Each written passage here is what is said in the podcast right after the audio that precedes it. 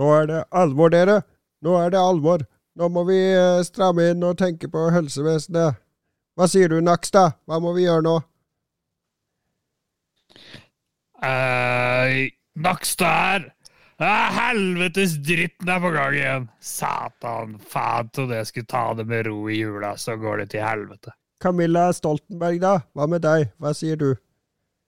Jeg syns at uh, Nakstad tar litt lett på denne alvorlige situasjonen Jævla driten! som vi befinner oss i.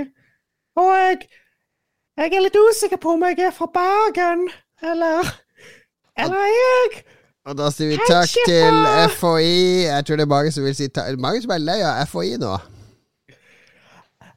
Ja.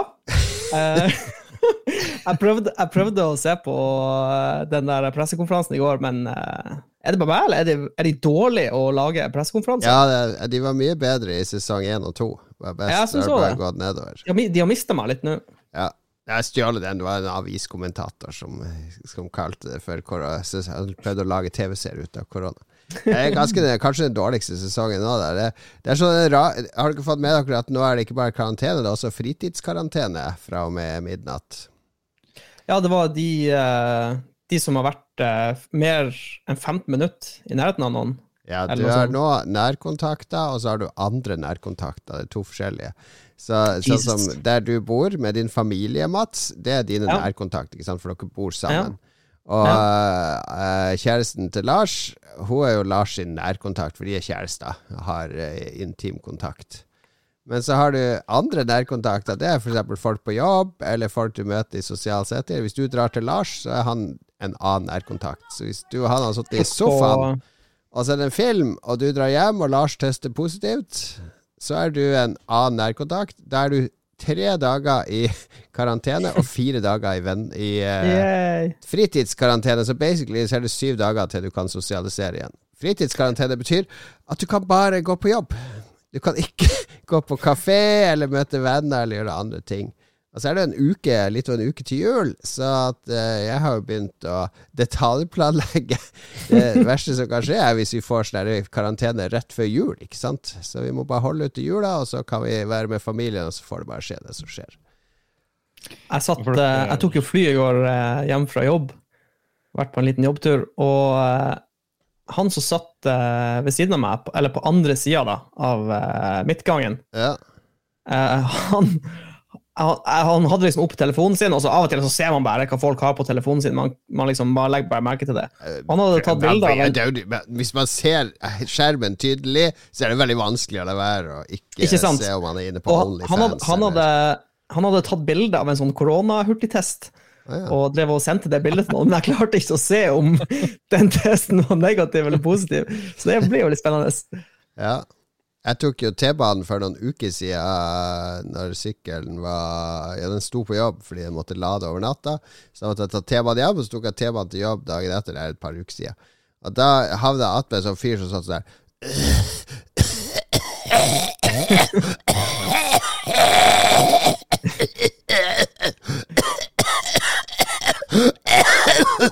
Han, Han hadde på seg maske, da.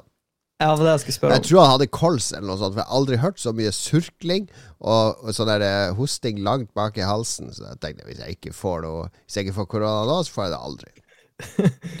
Jeg syns litt synd på Jeg hadde første dag på hjemmekontor i dag etter at liksom new, new, new regime Ja, glemt du er en av de, ikke sant, der når myndighetene sier 'vær så snill, ta hjemmekontor hvis du kan'. Veldig flott hvis dere tar hjemmekontor. Eh, fint hvis dere jobber hjemmefra.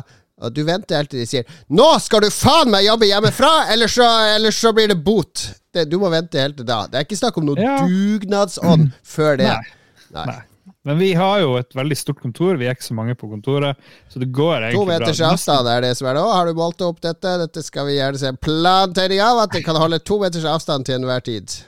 Ja, Nå er jo ikke jeg på kontoret, da, så det er jo greit.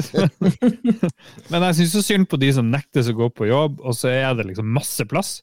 Hvorfor skal alle måtte være hjemme? Det må jo være lov å Nei, fordi i, i byer som er større enn en håndfull folk, sånn som Harstad, så må folk gå på busser og T-baner og tog og Ja, ja. for å dra på jobb.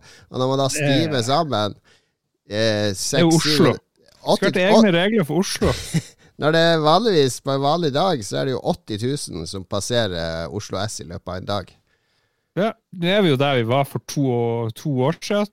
To og et halvt år siden. Jeg husker Ja, hvor lenge har vi holdt på? Det, hvor vi skulle stenge av hele Oslo, la dem liksom råtne og få korona. Og Ja, ja, ja. Det her, sier du rett etter du har vært nede i Oslo og brakt smitte hit og dit. Du er en del av problemet, Lars. Ikke vi som bor i Oslo og holder oss i ro. Jeg forskjønner det alle områder jeg er på. Ja, ja, men det var veldig rart å være hjemme.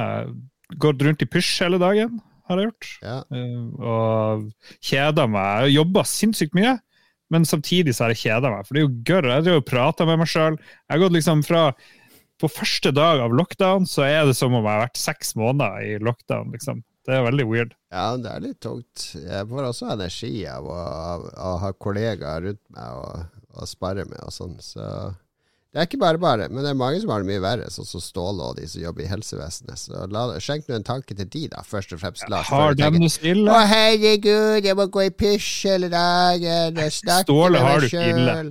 Ståle Ståle har det Ståle har det tungt nå. Han er jo så happy bestandig. Ja, det er på på innsida? fasaden, men akkurat som en klovn, så gråter han på Ja, han gjør det. Ja, gjør det. Ja, Gjør det. Å, tenk på det, Ståle. Tenk på det masse. Ja, men det med at du var nervøs på flyet, men uh, har du testa det etter du kom hjem? Nei.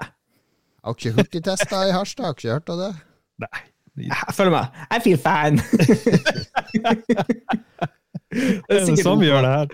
Ja, ja. Du vet, Med en gang du eh, passerer Bodø, så blir det litt sånn Texas og cowboy. og Vi tar det litt sånn skyt fra hofta.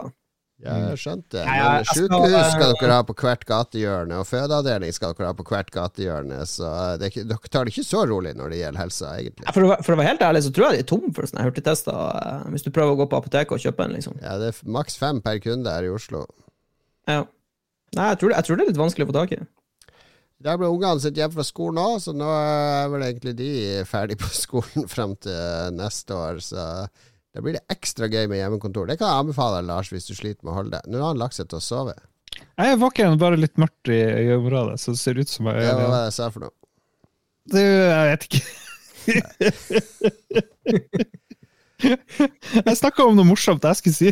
Han tenkte på sin neste spørsmål.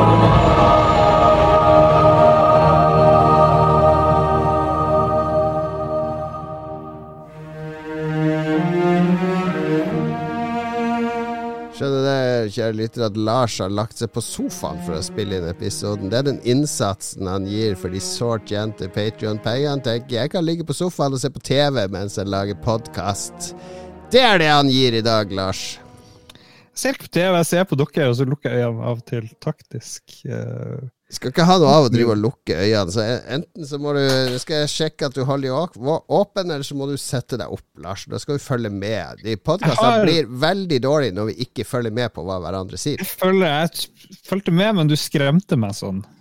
Så, ja, og så drev jeg og ba en bønn til Gud til, om Ståle. Syns jeg er veldig frekt. Avbryt bønn til Gud om Ståle. Ja, det kan du gjøre fritt? på fritida. Vi er en ikke-religiøs podkast. Ja, fortell nå hva du har gjort i det siste, der, bortsett fra å gå rundt og snakke med deg sjøl. Uh, jeg har kjøpt meg Den kom i går. OLED LG C1 kom i posten. 83 tommer med nice.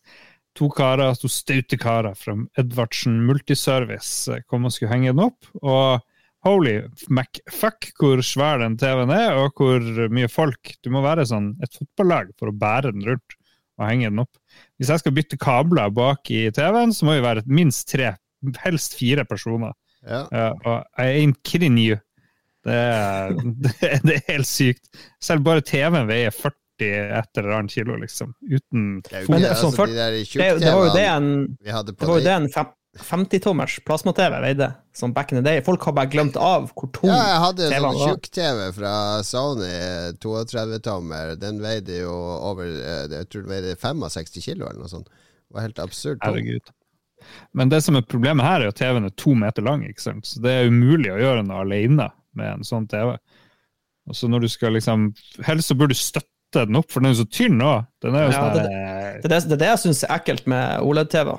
Eh, Jeg, fikk jo, jeg har jo òg kjøpt en OLED-TV og hengt den opp på veggen. og du- kan liksom ikke presse altså Når du løfter den, så må du løfte un underfra. Liksom. Du kan bare støtte opp under og bare, bare balansere den i handa.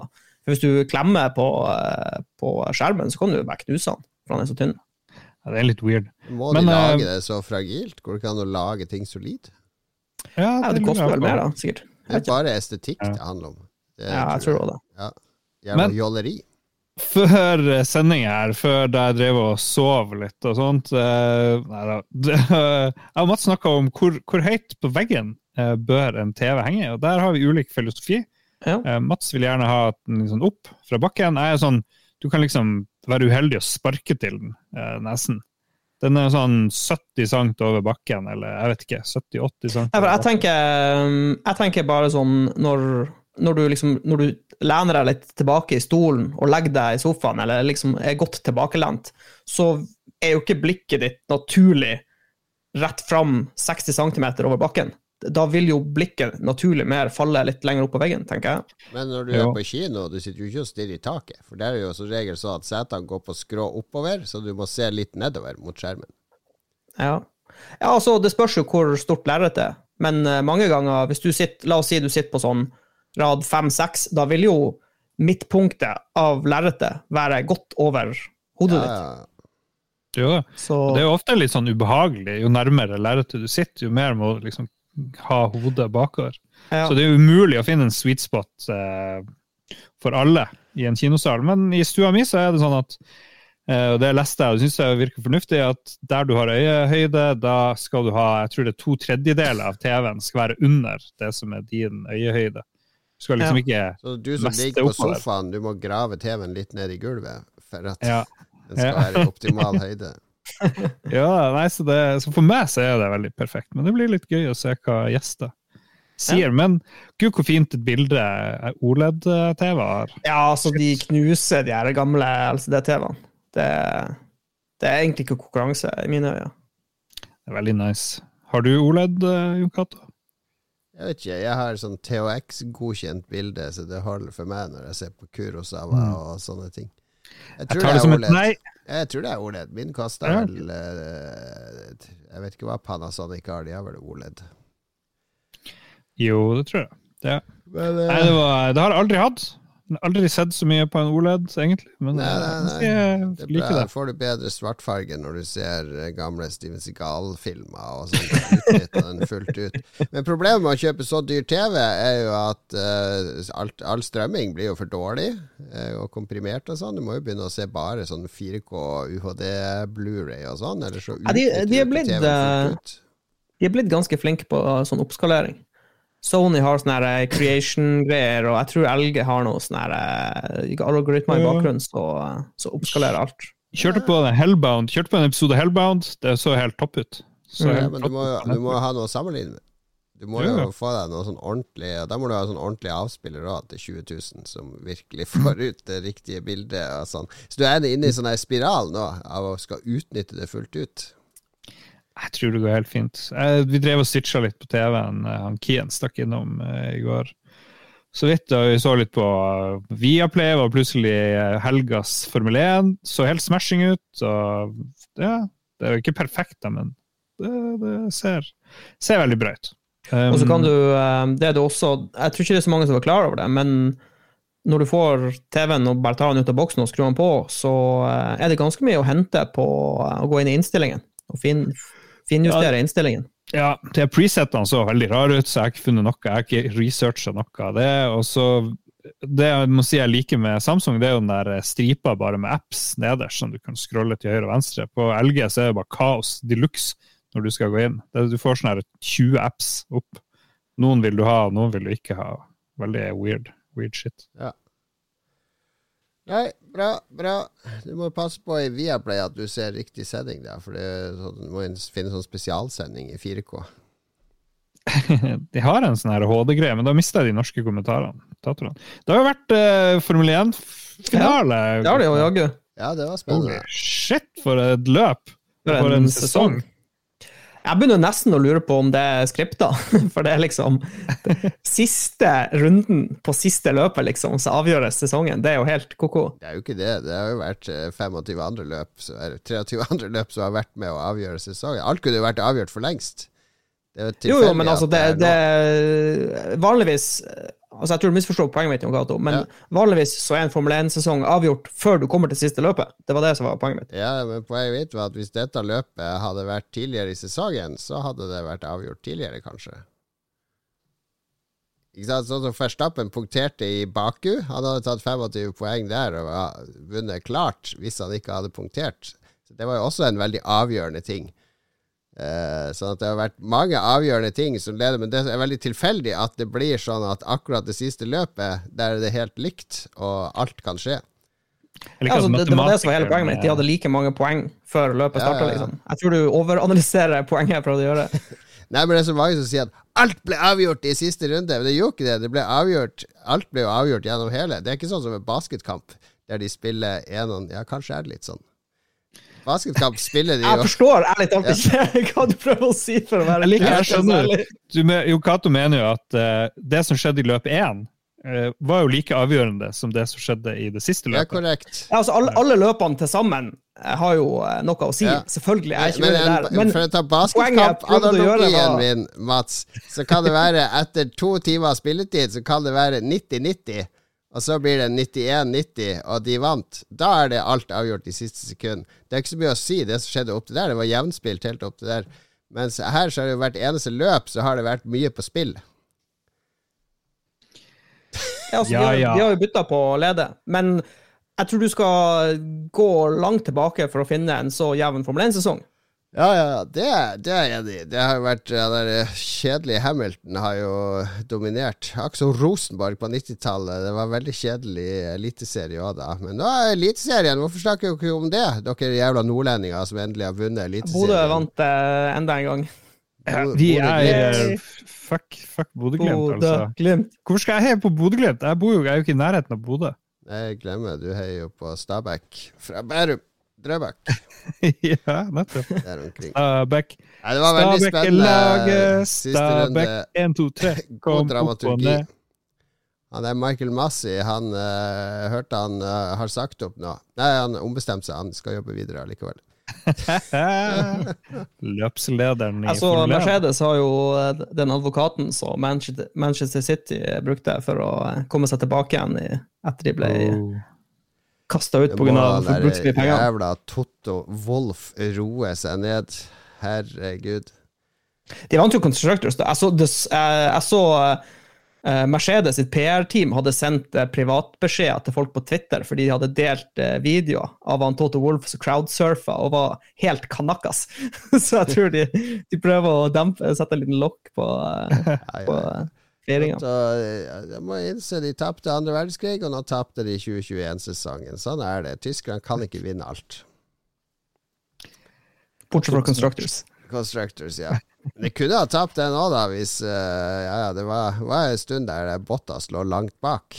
Hvis Hamilton da hadde krasja, og Perez og Ja. Kjedelig. Formel 1 er ferdig nå. Nå blir det spennende andre sesongen. Da skal du kjøre mye saktere og ha mye større hjul, og det blir slutt på dirty air og sånn. Ja, Ja. vi får se. Og så blir det jo maksbudsjett. Det er jo det som blir litt spennende. så. Ikke bare Max Verstappen, men Max Budsjett. En helt ny spiller, helt ny sjåfør kommer inn i Alfa Teori. Han Max Budsjett! Han er ukjent Han er sønnen til han herr økonom. ja. Herr og fru økonom sin sønn er Max Budsjett. De har også en datter som heter eh, Rita Overskudd. Eh, Hun Og Rita Overskudd hun er ganske pen. Jeg følger henne på Instagram. Ja, ok.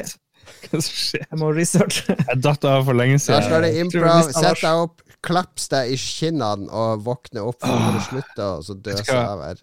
Det er så deilig å ligge i den sofaen. Det er helt vilt. Men jeg, trenger, jeg vil ha det du skriver her på sendeskjemaet. For du har skrevet at du endra skrift på telefon.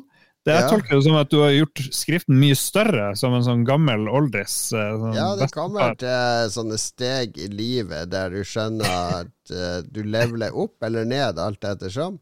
men der du må kaste inn et håndkle og innse at nå begynner jeg å bli gammel. Og det, Ja. det var her om dagen, så måtte jeg endre skrifta på telefonen, sånn at når du får meldinger og, og skal lese mail og, og sånne ting, så har jeg mye større font. For da klarer jeg fint å lese uten lesebriller. Ja, og det er det jeg tenker er med å ligge her i sofaen og spille inn podkast. Det er å kaste litt i en håndkle her, altså. Det, Nei, men det, det kan du ligge i sofaen og når du har jobbmøter, syns jeg. Du skal gjøre det fra hjemmekontoret. kan jeg vel bare late som at uh, Oi, kameraet fungerer ikke, jeg må spille PlayStation ja, og ligge på sofaen. halvparten på jobben din hører på den podkasten her, så nå veit du jo hva som skjer hvis kameraet ditt eh, plutselig ikke virker. Ja, Du må kjøpe deg sånn stang du kan henge i taket med sånn feste, sånn at du kan Ja. henge opp ned som ei flaggermus når vi spiller inn podkast. Sånn at du får alt blodet i hodet. Blir Du ser ikke han Josh Rogan ligge på en sofa og spille inn podkast, Lars. Det er uprofesjonelt. Joe! Josh Rogan. Joe, jeg vet ikke, jeg har aldri sett eller hørt en mann. Han heter Joe. Jo, jo. Nei, jeg, jeg tar selvkritikk, men jeg, har, jeg er utrolig sliten. akkurat Vet du hvem som, vet du hvem som ligger og Du er sliten etter en hel dag på hjemmekontor? Ja, vi har Vi var til tider var, Vi var bare to i redaksjonen på jobb i dag. Fordi det var barn som var syke, det var ditt datt. Så å drive og styre, kjøre en nettavis med to stykk, det er ikke så artig. bestandig. Ja, ja, ja. Skjønner det. Ja. Sier eh, mannen med 50 000 eh, kolleger, liksom. Nede Ja, i jeg, må, jeg har hatt noe å gjøre der, men jeg driver ikke og sutrer for det. Ikke og sutrer sånn. Jeg har ansatt en ny, ansatt en ny denne uka og gjort mye rart. Men endre skrift, ja. Det er et tegn på at du blir gammel. Det er mange sånne tegn. For jeg begynner å bruke brodder. Det er også et sånt tegn. Da vet du at du er gammel. Det har ikke jeg begynt med ennå. Men endre skrift Og det var satt langt inne å endre skrifta, fordi eh, jeg vil jo alltid tenke at jeg ser jo ennå godt og alt mulig, men jeg gjør jo ikke det. Jeg ser jo ikke så godt lenger. Du ser ikke bjelken i din eg, ditt eget øye, skal jeg si det. Det kan være. Det kan være. Du har vært på jobb, Mats. Jeg har det med en liten sånn blitstur. Var ute på eh, to eh, plattformer, eller én borerigg og én plattform. På Rowan Stavanger og på Gudrun. Så jeg var ute Bare for Equinor. Ja, Vi har funnet noe med olje, kan du komme og hjelpe å pumpe den opp, Mats? Ja, det var eh, Nei, det var, var en sånn liten eh, Det var Jeg brukte ca. fire timer på den testen jeg gjorde, men jeg dro fra Harstad på torsdag og var hjemme i går kveld, på mandagskveld, så Ja. det, går, det går mye i bare sånn logistikk, utstyr og reise, og ja, det var mye reising og lite jobbing. Ganske kjedelig. Sånn. Hvorfor kan- kan ikke fly direkte fra Harstad ut på plattformen? Altså, i Ja. Kan ikke trene opp til å hoppe i fallskjerm? Bare fly Ja, jeg med fly dette forslaget rett fra Evenes. 100 ut over plattformen, du hopper ut i fallskjerm, lander på helikopterpaden, inn, gjør test, og så ja, hjemover er litt verre, da. Men de kan ha en sånn kanon de skyter oss ut av. ja, Som i Fortnite. ja. Jeg, jeg, dette må forskes mer på. Jeg syns det skal forskes mer på.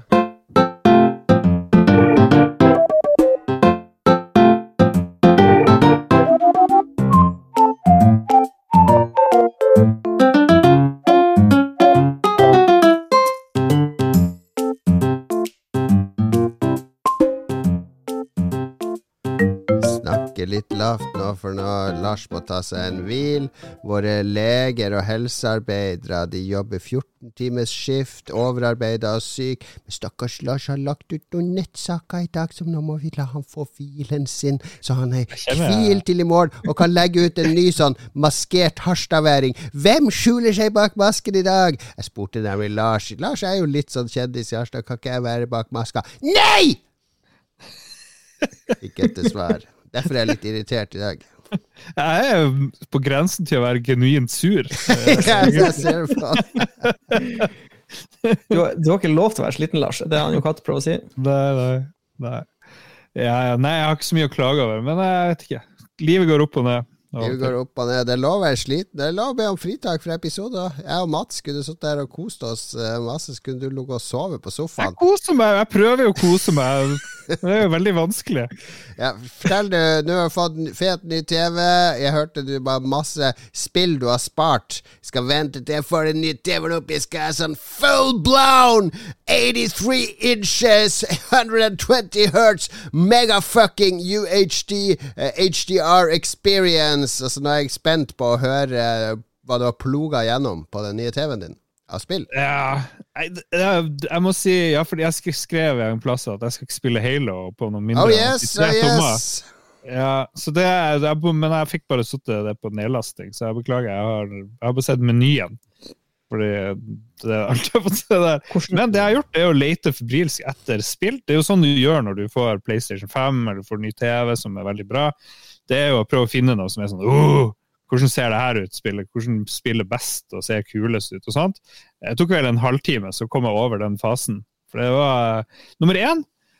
LG OLED eh, C1-serien har sånn her eget sånn gamer-dashbord, hvor du kan se frames, om du bruker VV-synk eller G-synk eller FreeSynk, jeg husker ikke hva det heter. Den har jo alt det her. Eh, masse sånne gamer-moduser. Men det virker som om det kanskje er en scam, hele greia. fordi det var 119 frames, eller 120 frames på absolutt alt. Jeg spilte ifølge TV-en min, og det er jo bare tull. Ja, TV, Det- altså Hvis du et spill sender i 60 frames, så kan jo TV-en oppdatere 120 frames i sekundet. Bare at det Ja. blir bare annenhver eh, gang fra spillet. Jo, jo, så det har, det har ingenting å si det der. Fordi jeg drev og spilte uansett spill, så var det 120 og 119 frames. Jeg skjønner ikke. Så, så det, det var en greie. Vi prøvde å finne ut hvilket spill er det som har ordentlig 120 frames. Dirt 5 skulle visstnok ha det. Så helt likt ut hvis jeg hadde uansett hvilken modus jeg skrudde på der. Så jeg føler ikke jeg har helt skjønt, skjønt uh, opplegget. Men eh, det har vel ikke noe å si hvilken modus du har på TV-en? Du får jo fortsatt uh, like mange bilder i sekundet, gjør du ikke? Nei, nå tenker jeg på modus på eh, Xboxen, Xboxen. Performance eller quality, eller det, Den jævla TV-en viste det samme. Men det er vel bare Den viser jo det den viser. Så er det vel litt Ja, sånn altså, som regel er jo performance 60 frames og quality 30 frames. Er fordi det går på den visuelle kvaliteten. Eh, Ja. Det er veldig det er ingen av de spillene som er 120 frames. Du er på Ja, 5 skulle visstnok ha det. Warzone er kanskje det. Eh, og kanskje Destiny 2 har blitt det. Ja, det du skulle ha det. Warzone så Det var noen. Veldig mange på, på Xbox, og ikke så mange på PlayStation. Men ja, jeg skjønte. Men uansett, ser veldig bra ut. Ser veldig, veldig fint ut.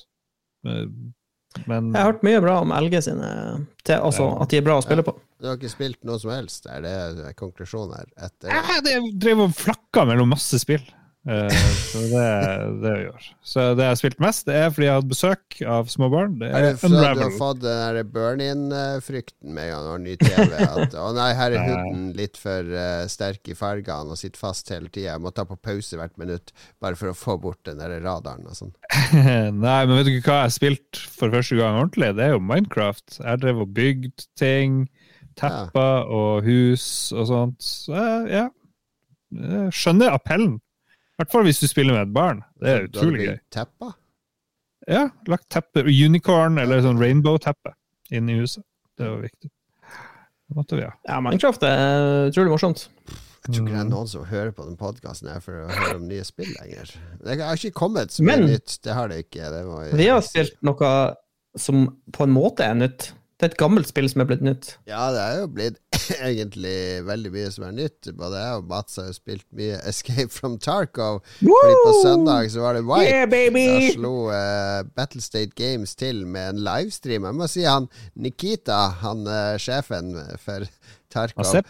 Ja, han har blitt mye bedre i engelsk. Jeg har blitt ganske flink. Oh, ja, jeg fikk ikke sett på streamen. Den livestreamen var veldig artig, Fordi da sa at det sitter to russere der. sitter han Nikita med skjegget sitt. Han ser jo litt uh, Jeg vet ikke om han ser intimiderende ut, men han ser ut som I don't give a flying fuck. Det, det er hans vanlige look. Og så sitter han og prater litt sånn Yes, in uh, uh, so in Lighthouse uh, we have added a new faction, bla, bla, called Rogue. Uh, uh, og så ser han bort på han sidemannen, så plutselig sier han noe på russisk, og der er sånn Og peker på skjermen og sånn. Og så når han prater engelsk, så er det litt sånn derre Eh, and uh, yes, the new weapon, the scar, is very good. Der prater han veldig sånn rolig, men hver gang han prater russisk, så sånn så, så skikkelig hissig. Jeg lurer på om det er sånn ordentlig uh, At han bare er sånn naturlig sint på russisk. Han, han var så hissig. Jeg skulle ønske jeg kunne russisk og skjønte hva han sa. Jeg tror han kommenterte på sånne idiotiske kommentarer i chatten. Og sånn der eh, drit som folk spurte om og sånn. Ja, det er et klassisk. Men jeg, jeg lurer på Jeg tror det er en ting som kan skje når du snakker et annet språk. For eksempel, det er noen, de snakker, hvis de snakker engelsk, så snakker de med en mørkere stemme. Fordi det er bare noe som skjer når du snakker på et annet språk. Vi prater engelsk. How altså, you noen- do? noen gjør det. Ja, ja, ja, kanskje det. How do you do. Lars? How do you do, Mats? Eh, Det, det er i hvert fall noe jeg har lest, at, at en typisk ting er skandinaviske folk som snakker engelsk, eh, snakker Jeg merker jo, Hvis jeg prater tysk, så prater jeg jo automatisk med mye høyere røst. Achtung! Ja. Wie geht's, Mats? Verdammte Podcast! Und diese Mann schlafe, schlafe am die Podcast! Veldig bra. Ja. ja, har du, eh, har du fått eh, spilt noe? Ja, da, jeg er vel oppe på level 7. Jeg har spilt et par eh, kvelder og questa litt og og drept litt. Og det går, det går egentlig mye bedre denne sesongen. Og det tror jeg skyldes to ting. Det er at de har innført et sånn inertia-system. Så at det er ikke Før var det jo veldig sånn der eh, Twitch eh, Altså du kunne AD-AD-strafing, ikke sant? Til siden sånn der Pike ut, skyte og tilbake før det har gått eh, tre tideler av et sekund, liksom. Ja, de belønna, de belønna spillerne som kunne bruke veldig sånn frenetisk bevegelse i tillegg til skyting. da. Ja, det er mye Og er vanskeligere nå, fordi det er subtilt, da, men du, du beveger deg litt tregere. Er litt tregere å snu seg sånn, fordi det var mange som var redd for at det skulle føles som at man gikk i sirup hele tida. Det kanskje du følte litt på, Mats, for du er jo litt mer responsiv enn meg. Det, det var veldig uvant i starten, Ja. må jeg innrømme. For um, det er treghet på alt. Så når du begynner å bevege deg, så har du ikke maksfart med en gang. nei, nei. Der Quake-følelsen er, er forsvunnet helt. Ja. Men jeg, jeg tror dette er en veldig bra ting for spillet. Jeg tror det For- føles mer taktisk. Og så har jeg lest om folk. ikke sant? Når du squadder, så tar de ulike roller. Altså De har spotters, og de har gjerne en fyr med granater. Og, de har, fordi, og granater er mye mye Ja, tregere. du må ta fram granaten, og så må du kaste den. nå, må du, nå må du faktisk klargjøre granaten før du Ja, kaster den. det- Den, den flyr ikke bare blir ut. vanskeligere å være sånn one man army som kan adapte til alt hele tida. Du må tenke litt mer taktisk uh, før du engager.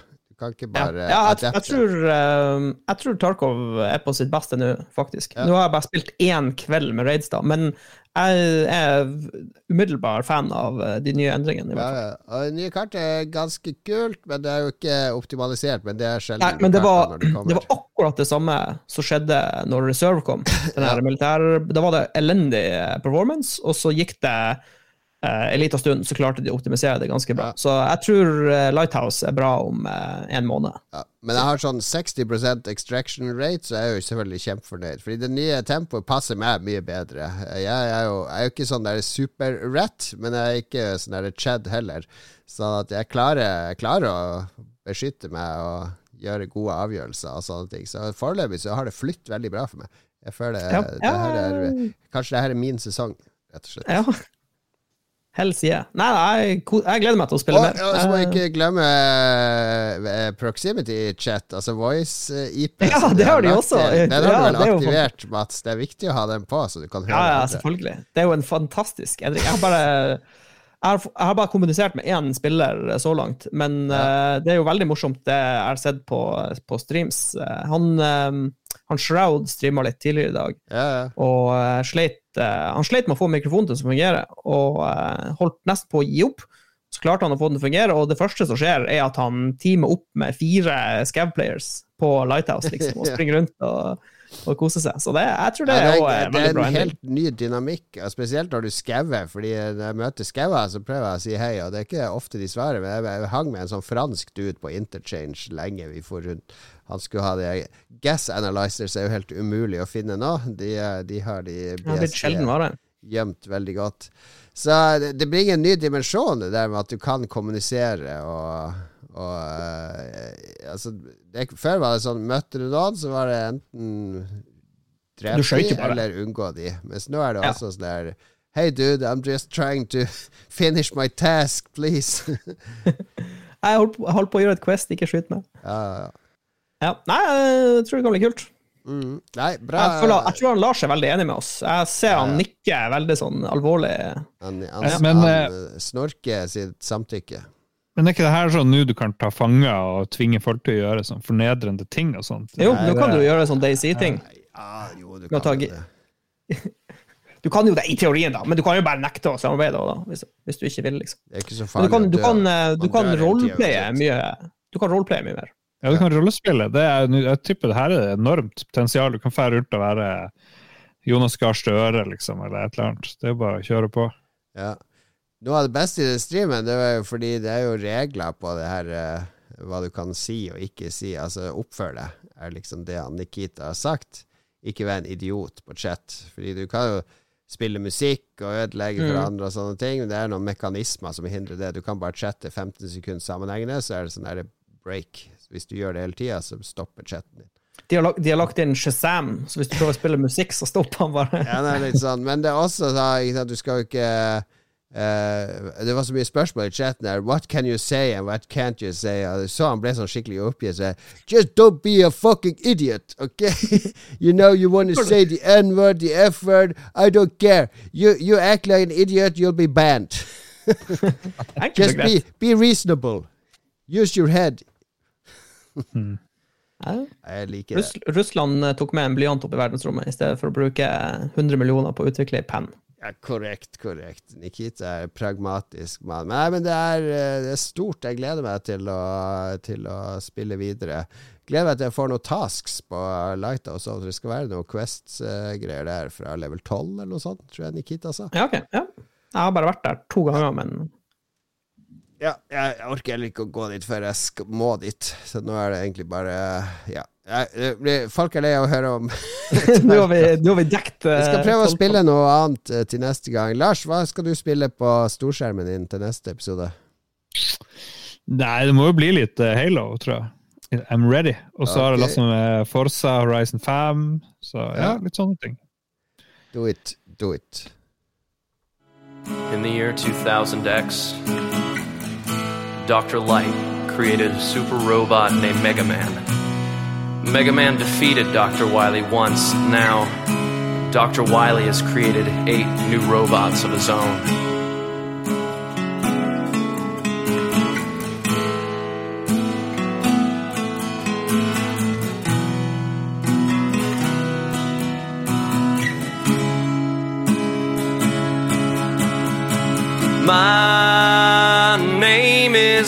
Mega Man, and I'll do all I can to save mankind. The Megas her som har laga litt akustiske låter av Megaman-soundtracket. Ja. De var ikke nominert til Grammy. I wonder why. De blir rana. Kjøpt og betalt. Kjøpt, akkurat som Game Awards. Det var litt magre priser der, må jeg si. Jeg gikk glipp av tre hele timer? skiten. Jeg var opptatt. Three hours, men ja, apropos Megas og Grammys, da skal de kåre årets beste musikk. Uh, jeg leste akkurat uh, ukas Morgenblad, og de har kåra årets beste kulturopplevelser innen musikk. Eh, film, TV-serier, litteratur, kunst, skulpturer, malerier. Alt bortsett fra dataspill. Ja. Trenger ikke dataspill. Nei, det syns jeg er dårlig av Morgenbladet. Altså. Jeg, jeg betaler abonnement, så jeg kan, få, jeg kan si at de skal skjerpe seg. Jeg er kunden. Kunden har alltid rett. Leseren har alltid Ja. rett, Lars. Er det ikke sånn i avisen? Kommentarfeltet har alltid rett. Ja, det er ingen protest her. Du får sende dem en eh, brannfakkel i posten, Jon Cato. Ikke brannfakkel. Brannfakkel. Vi, vi er jo uh, kyndige som få når det gjelder musikk. Vi uh, Mats skrevet en gang en master i Napster. Uh, Ja.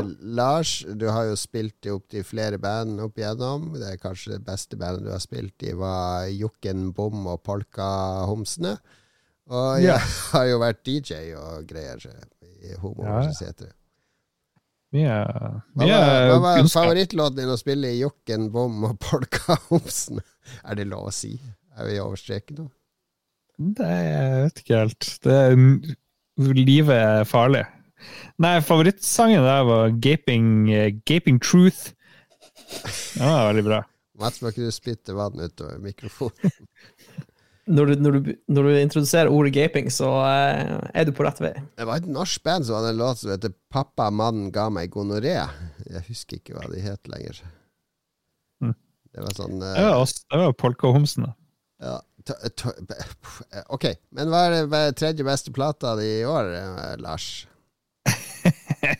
Det var jo litt av en overgang. Skal vi se, jeg går for um, uh, uh, Ja, det blir In Concert. Nei, vi, vi kjører han eh, Kanye på tredjeplass. Oi, Jeg har aldri hørt noe særlig på han Kanye, og så kom denne plata, Donda. Jesus Lord-plata. Så har jeg hørt på den Uh, mer av veldig mye annet, ifølge Spotify. Det kommer en sånn her årsoppsummering, så det er den jeg har gått for her. Ja, Så jeg har hørt jævlig mye på det. Jeg syns det er likte du det fint. her i forhold til uh, She's a little gold digger. Lonely. Uh, alle de Ja, gamle det- der. Det er jo fordi det her er kunst og, og litt sånn kunstnerisk. Ikke veldig lett tilgjengelig. Ja. Eh, Det er veldig få bangers, det er veldig lite hits. eh, Mm. Kanye er gal. Jeg syns det er bra. De sier at han Kanye er best når han er singel. Ja, det tror jeg nok. Ja, jeg liker det. Jeg liker tekstene, jeg liker rare ting han gjør. Det er bare hva, What's not to like? All right. Musikkfaglig begrunnelse, vær så god. Ja, med Kanye.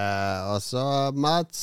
Nå skal vi inn Ja, jeg må bare komme med en liten disclaimer. Det kommer, det kommer til å bli veldig mye fra sjangeren metal fra han Mats. For det jeg har hørt. Oh, hell yeah. Eller teknisk sett, så uh, Jeg fikk jo også sånn Spotify Wrapped, eh, og jeg hørte sinnssykt mye på Phoebe Bridgers si Punisher-plate i 2021, men det er 2020-plate, så den kan vi ikke nominere, strengt tatt. Så jeg Er det hun fra Friends? 2021-musikk. Phoebe? Hmm?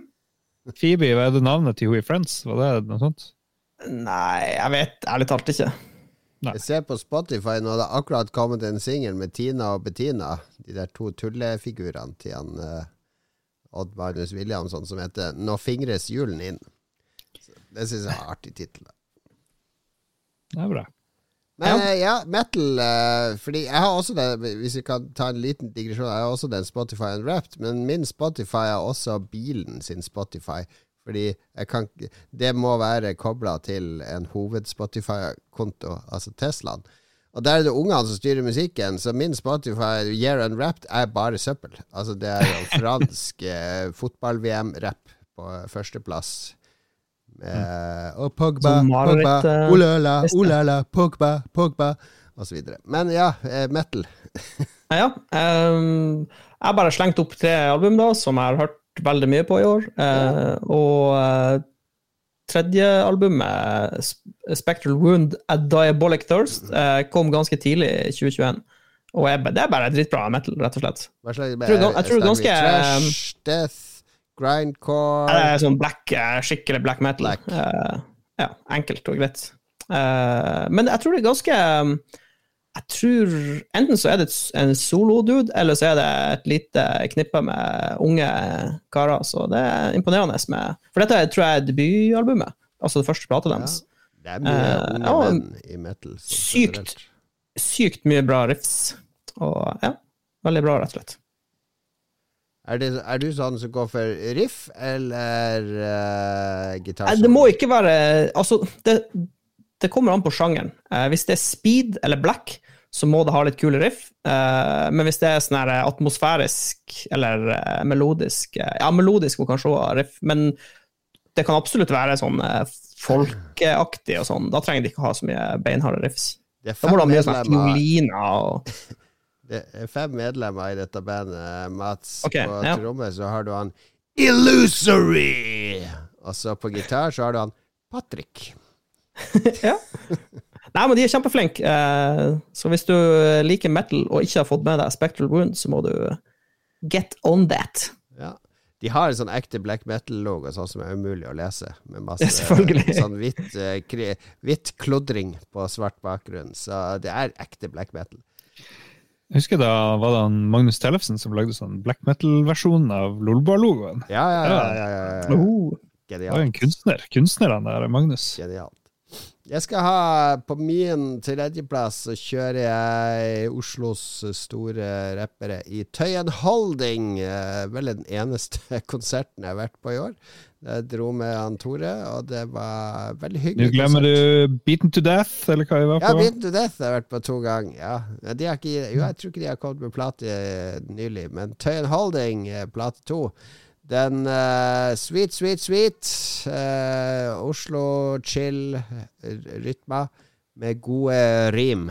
Fernar, uh, Fernert Jeg og Fernert Branca er som Bernhard og Bianca, osv. Når du rimer sånn, så treffer du hjertet mitt, vet du. Så jeg elsker Tøyen Holding. Elsker, elsker er hiphop. Hiphop forever. Jeg så en sånn kul ta tattoo eh, i en eller annen TV-serie om dagen. Der du vet du har sånn X tatovert på armen, og så har du sånn bokstaver i hver av de fire feltene.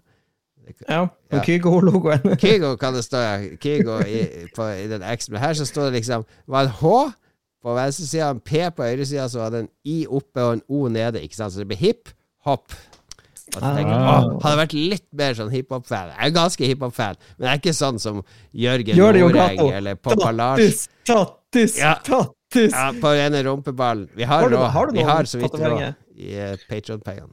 Oi, oi, oi. Ja. Snakker vi. Gato, har du noen tatoveringer på kroppen din? Uh, jeg har på på, eh, Kom igjen, si det. på penis, der står det wow. Mens når det blir erigert, så står det jo hele World of Warcraft. Ikke sant? For å trekke det så, Når liksom det kryper på- sammen, så blir det bare wow. Ja, det er bra. Det er respekt. All right. Ikke dem. Ja. Um, skal vi ta en ny tredjeplass? Nei, andreplass? Skal vi gå på andreplassen? Ja, andreplass, Lars. Ja, Hvor går sølvmedaljen?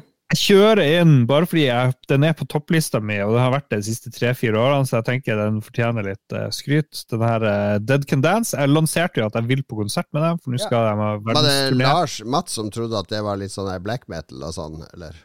Nei, det var Madsen mente at det skulle være mye elektronika der, men det er det ikke. Det er, Ja. det er ikke det.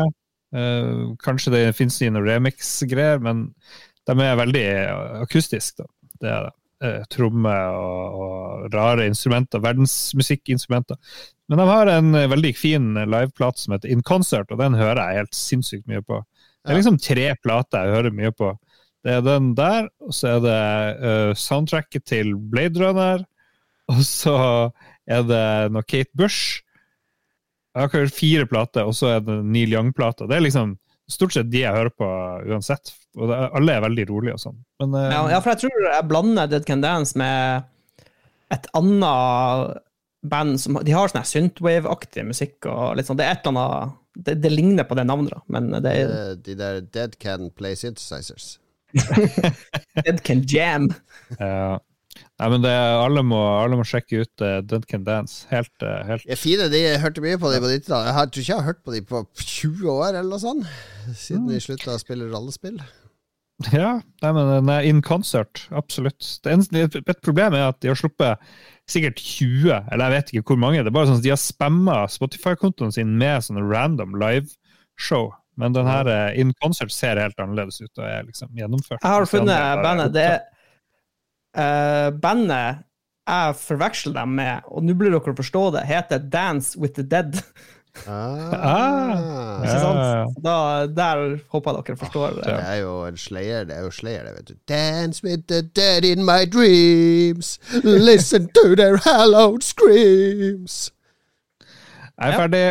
Ja, nei, men bra valg. Eh, Kommer du deg på konsert da, Lars? Jeg vet ikke. Vi får se. Jeg gidder ikke være alene, så jeg må få noen med meg. Si fra hvis du skal være på Dead Can Dance. Her Så jeg kjæresten din nå bare Vet vet du hva? Hvis, Ja, hvis, hvis jeg blir med på den konserten, Lars, så skal jeg kjøpe meg Dance with the Dead-T-skjorte og ta den, ta den på meg. og bare se veldig forvirra ut hele konserten. Det, jeg liker det. Veldig. Gjennomført. Min andreplass kan ta den. Eh, det er eh, rett og slett han Tai Segal. Fortsatt en av de artigste to konsertene jeg har vært på. Det er to Tai Segal-konserter. Hver gang han gir ut en ny plate, så utforsker han et nytt landskap. Så Harmonizer er ingen, eh, ikke noe unntak. Det er litt hardt. eh, hard rock her og der, men eh, også litt sånn sjelfullt. Og han er jo sånn der multitalent, spiller alle instrument sjøl osv. Men jeg gleder meg til han kommer på neste konsert. Så Og for. For ordens skyld så skriver han etternavnet sitt annerledes enn han andre. han er ikke slekt med Steve Segal. Trenger ikke å spørre om det. Du ødelegger dere jo vitsen min. Å En gang om det i det hele tatt. Dere er visste vits. Sønn til Steven Segal. Ikke noe med Steven nei. Å gjøre. Ikke noe Legg deg og sov igjen, gamle far. Slitne proletar. Uh, ok, min andreplass uh, er faktisk ei skive som har fått uh, litt slakt. Eh, for det, de har gått De har basically gjort sånn som Ulver har gjort. De har begynt med skikkelig metal eh, og blitt populær, og så nå eh, i år slapp de ei plate som heter Infinite Granite. Det er et band som heter Death Haven. Hvor de liksom endrer stilen veldig. De har egentlig endra stilen veldig i hvert album, Ja. da. Men nå har de gått Nå har de egentlig gått bort fra metal-sjangeren. Denne plata er bare popmusikk, liksom. Men, eh. Men for meg så traff den faktisk veldig godt, for han har en veldig behagelig stemme, han vokalisten. Eh, og det er litt sånn, litt sånn drømmende plate. Så for meg så var det innertier, og jeg likte den veldig godt. Men Veldig rart eh, navn. Death Haven. Death Haven. Ja, det er ikke death, men Døve. Death. Altså som man er døv. Man er døv døve. Den himmelen til de døve. Jeg ser på Ja. Wikipedia, Nei, men, eh, så uh, sier de at sjangeren er shoegaze, black metal, Ja, de dick... og så black gaze. Den har jeg aldri hørt Ja. om. Ja, altså, de her eh, musikksjangrene er jo helt bananas nå. Det, ja. Men uh, det er ikke ei metal-plate. Det kan ingen komme og si. Eh, til tross for at bandet har røtter i metal-sjangeren. Så hva er det som taler til deg med dette? Denne plata? Nei, den er bare behagelig. Uh, den, den, er, den er Jeg liker å høre på den. Den klinger godt i ørene mine. Ja. Rett og slett. Jeg gleder meg. Hvis det ikke er sånn hardcore kjempemetall. For det, jeg hører nesten ikke på det. Nei, altså, dette er ikke metall. Det er bare popmusikk. liksom. Altså, det er, ja, det, jeg vet ikke hvilken sjanger det er, men det er Er ikke det metall. litt som den reisen eh, de alle sine favoritter, de der uh, Hva heter de? De som alle elsker. De der uh, Alle elsker ja. Rune Rudberg. Uh, åh, jeg blir gal. Nei, jeg er litt usikker. Ja, du elsker du òg, Mats. Helt Hvor, hvor vi er her nå Er det musikk? Musikk? Ja, det er musikk. Det er mat. Vi Er snakker om mat. er det en film? en TV-serie? Nei, det er musikk. De lagde sånn sånn der desertplate for de Ei ørkenplate? Ørkenplate. Eh, Beduiner, sikkert. Truck Fighters. Robin Det var Robin sitt favoritt. Mastodon. Det er det litt som Fordi Mastodon gikk fra å være sånn relativt tung eh, kanskje Det var aldri i ekstremmetal-land. Det var ganske tung metal til å bli Plutselig hadde de en sånn rolig periode eh, Ja. nå nylig. Er det litt den Ja, de, reisen?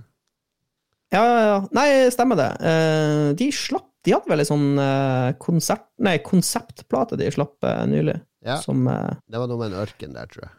Hurst, Hurst and Grim. Ja. Nei, uh, noen liker jeg veldig godt, men jeg har ikke hørt så mye på den siste plata deres, faktisk. Så jeg kan ikke uttale meg for hardt der. Nei, det var bare om det var litt den samme greia. Husker du Paradise Lost på 90-tallet, Lars? Ja, jeg husker Paradise Lost. Som plutselig ble fra det ene eh, goth eh, goth metal-plata, så ble de plutselig Depeche Mode. Sånn ren Ja, ja. elektronikaplate de lagde. Ja, det ble veldig elektronisk. Kro kroneksempelet er jo Ulver, som har lagd Bergtatt, som heter beste metal-skiven ever. Og de har jo gått full eh, pop. Artig, ja. Artig, artig, at, artig at man endrer seg, syns jeg. Nå, nå Jeg syns òg bare det er ålreit. ja, ja, ja. Nå har vi vært på Problemet er jo.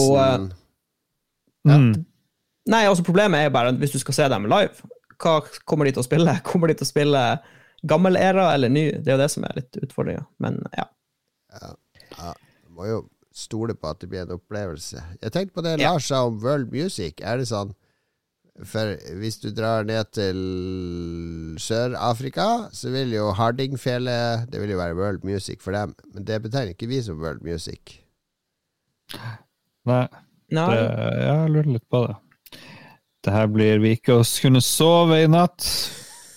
World music er jo er noe flytende. Det er liksom eh, Det er liksom eh, utlendingsmusikk, rett og slett. fremmedkulturell musikk, det er world music. Men ikke vår egen kultur. Mm. Ja. Jeg skal begynne å skrive i Morgenblad, kjenner jeg. Jeg kan ta min en førsteplass. Uh, der har jeg min favoritt-nordiske artist uh, gjennom tidene, nemlig han Tåstrøm, uh, kjent fra bandet Imperiet i gamle dager. Men hans solokarriere er jo den suverent beste. Han har låten Fan, fan, fan, som var min bryllupsvals, for de som var edru nok i bryllupet til å huske det, Lars.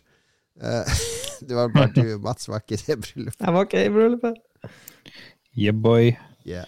Uh, han er uh, kom med en ny plate nå i år. Kjempefin som vanlig. Uh, blande elektronisk og litt live-elementer. Mye rolig. Og et par gode sånne jagere. Jagere og litt sånn syntrock. Så mm. elsker Tåstrøm. Uh, Dom som skiner, som den nye plata heter. Elsker at han synger på svensk. Elsker stemmen hans. Uh, jeg droppa headlineren på Øya et år for å se Tåstrøm, som var inne i teltet. Det var no-brainer å droppe Hvem var det? Det var Beck, eller noe sånt skit, som spilte på hovedscenen. Scientologer! Kan ikke stille opp og se en scientolog? Er han Beck scientolog? Han Beck er scientolog, han og Tom Cruise. Stakkars Beck. I'm a loser, baby. Ja, ja. I'm a scientologist, baby. That's Jeg lurer på om alle de bra i Hollywood er egentlig scientologer. Er det sånn? Tom Cruise er jo det, så der er fasiten, egentlig. Ja, Steven Segal, er han uh, scientolog? Beck eh, påstår han har brutt med scientologien, så scientologene Han er svartelista totalt av scientologene. Og det er ikke gøy å ha scientologene på nakken. Jeg tror egentlig han er dobbeltagent for scientologene. Han har sagt at han har brutt med dem, men egentlig så skal han infiltrere en normis og uh, spre scientologene sine sitt ord. Helt sikkert. Det er min uh, førsteplass, i hvert fall. Uh, Mats, skal du ta din førsteplass? Ja. Min, mitt beste album 2021 er veldig Hvilken sjanger kan dette være? Hvilken sjanger har vi nå Nei, det er, det er metal-plate. Spoiler. Oh. Det er en dude fra Sveits som lagde et band som heter Canbard, som betyr eh, en, en, bard som er sånn hermetisert på en boks. What? Er det or orkish language? Nei, jeg har ikke peiling. Jeg vet ikke hva det betyr. Det er sikkert sveitsisk for uh, awesome, awesome, owl, eller noe sånt. Ja. Men uh, det er at atmosfærisk uh, black metal. det er bare sånn herre musikk som jeg elsker. Det er ikke for alle, men uh, det er veldig sånn uh, Det er mye stemning og mange sånn rolige spor, og så er det Det bygger seg opp. Det er sånn tolvminutterssanger som bruker veldig lang tid på å bygge seg opp, og så er det sweet payoff. Og jeg glemte kanskje å si hva plata heter. Den heter Devoured by the Oak. Noen som har blitt spist av et Oak. Og dem hører vi jo nå i bakgrunnen, fordi Jon Cato klipper inn Nei, alle disse bandene. Det er du, du, som skal ta en middagslur og klippe etterpå. Hvis, hvis du liker Karl Brud og sånne type band, så jeg kan Bard rett opp gata di. Er det, jeg, tolker Du liker sikkert soundtracket til det norske spillet vi spilte i spillklubben, Mats? Ja, det der, ja.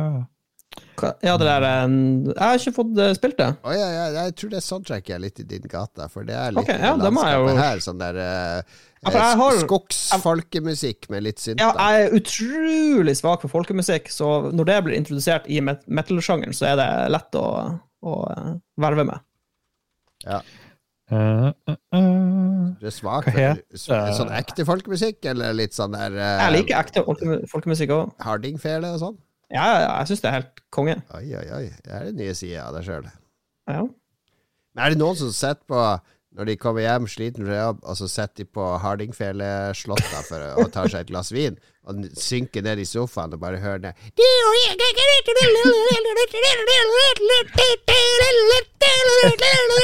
Ah, endelig fredag. Jeg, jeg, jeg, kan ikke Jeg kan ikke roe meg til sånn hardcore uh, hardingfele, men, uh, men jeg syns uh, strykeinstrumenter er undervurdert. Er du glad i gåte, Mats? Ja, gåte er kult. Godt og kult. Northern Journey heter jo det spillet. Yes, Northern Journey. yes, Northern Journey. Jeg elsker soundtracket i Northern Journey. Han er geni, han som har laga spillet og musikken. Det er jo samme mann. Ja, nei, da må jeg jo uh, hive meg rundt her. Ok, Lars, din nummer én. Ja, den dukka opp plutselig. Jeg husker ikke helt hvordan uh, plata heter. Nei, Ni. Jeg skulle til å si Dance, det heter Ni, og fra bandet Pond. Aldri hørt om det. Det er noe sånn her Har det noe med James Pond å gjøre? Ja, ja, det er kanskje det. Det er et australsk psykedelisk rockeband, visstnok. Det var ikke sjangeren jeg ville putta dem inn i i det hele tatt, men ok. Plata kom 1. oktober, og eh, ja Jeg vet ikke noe om bandet, og aner ingenting. Eh, Kult cover. Plata var i 39 minutter. Jeg kan lese opp fra Wikipedia hvis dere vil. Første sangen er sånn utrolig sammensatt og variert. og liksom, Hvis jeg husker rett, så er det liksom kor, og det er pop, og det er, det er ikke noe sånn her psykedelisk rock. Det er jo utrolig kommersielt, eh, spør du meg. Men så blir det kanskje litt mer sært eh, etter hvert, den der plata. Men eh, den første sangen der, det er liksom den jeg har hørt mest på. 'Song for Agnes'. Kjempe, Kjempegreier. De har en låt som heter Rambo. Er det kun Ja. derfor du liker den plata? Fordi det er Rambo-referanse? Sikkert. Kanskje jeg tror det er noe sånn eh, Rob Hubbard, et eller annet intro. Martin Galway som hadde den. Skjerp ja. Hvis du har hørt på. Sidbua, så hadde du skjønt det der, eh, Lars. Ja, trekk det tilbake. Å no, så Ok, det var ni, eh, ni musikker fra oss. Vi har hørt gjennom alt som har kommet av musikk i året som gikk. Sorry, sorry Adele og alle andre. Ed Sheeran og all det der uh, shovelwaren der. Oh, Det beste av det beste. Ja. det, jeg drev og lurte på hvorfor kommer Ed Sheeran inn i så jævlig mye liste til meg på Spotify. Nå ser jeg at noen har favorita to av hans album på Spotify. På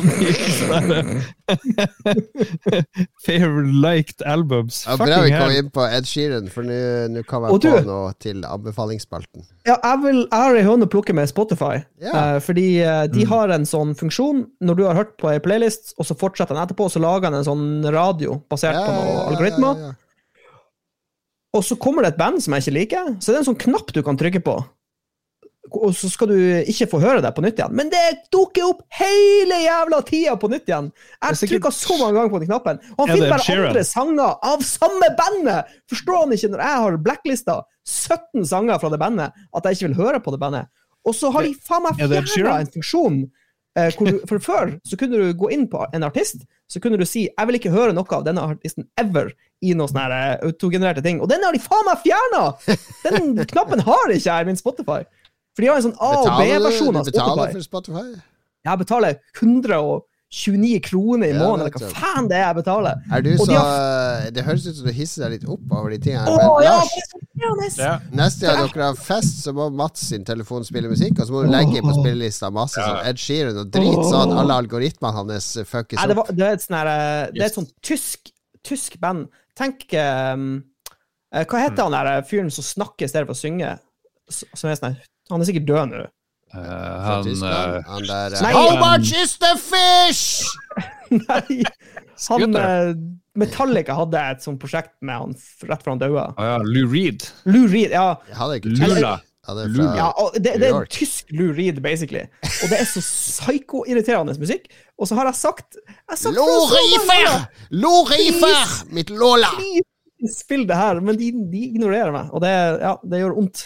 Og jeg vurderer å slutte å gi penger til Spotify på grunn av det. Oi, oi. Da er Jeg det har, vært, seriøst. Jeg har, jeg har sikkert abonnert sammenhengende i syv år på, på Spotify, så jeg, jeg vil ha tilbake den funksjonen, takk. Prøv Tidal. Tidal som et alternativ. Å, gud. Gi penger til Kanye. Hvem er det som er når sånn skal sies, så har jeg gitt mer penger rett til artistene på Bandcamp enn jeg har gjort på Spotify de siste årene. Så det er mulig jeg bare bytter og bare slutter å bruke Spotify og heller bruker Bandcamp. Kanskje det. Det, Vi, det var alt eh, jeg hadde å si. Takk! Vi, vi avslutter årets uh, musikkutdeling med den tyske Lurid, nemlig Lu Riefenstahl med den kjente låten Achtung, baby! Spasieren Sie bitte am die wilden Zeit!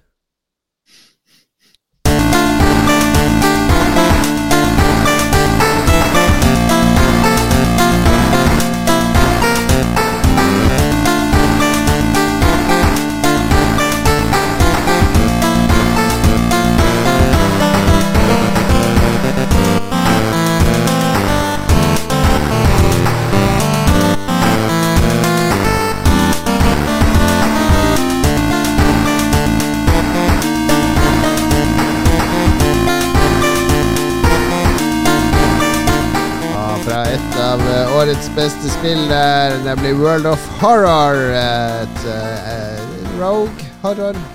Det er spill uh, som foregår i Japan. Uh, ser ut som en manga, hele spillet. Ja. Ikke lur i Fursdal, for de som hadde gleda seg til det. Bare så liten diskrev, det er mulig jeg forveksler Lou Reed med en annen eh, fyr som snakker i stedet for å synge, men uh, ja. Er Dere skjønner poenget. Hey babe, take a walk on the wild side. Da- Men han snakker jo i den sangen sånn Alice Ja. was Ok, da er det kanskje han jeg tenker på. Uansett, det var, det var et tysk band, det var ikke han, men de har en sånn utjevnende stil.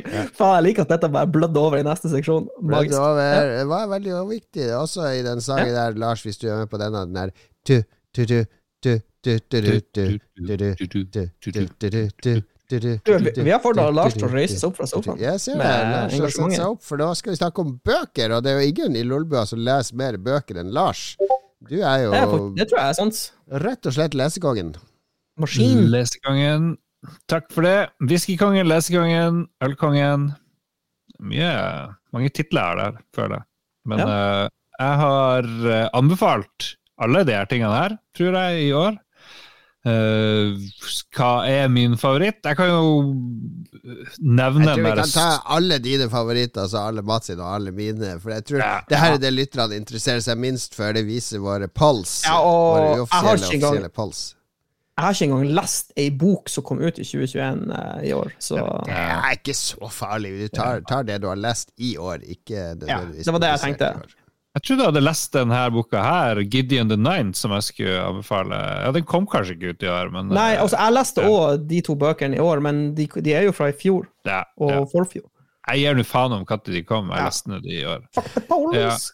Jeg anbefaler Gideon the Ninth. Jeg har ikke skrevet hvem som har skrevet de bøkene, det er jo litt uh, minus, Ta- men uh, det har ikke noe å si. Tamsin Muir heter hun som har skrevet Locked Tomb-bøker. Ja. Veldig spesielt den første boka. Det er to bøker så langt. Uh, var spesiell. Handler om et, veldig rart univers. Sånn sci-fi-horroraktig univers med litt sånn hekser og uh, sånn necromancere og Ja, veldig mye rar teknologi uh, ute og går. ja. Første boka er egentlig en slags wacky murder mystery, Ja.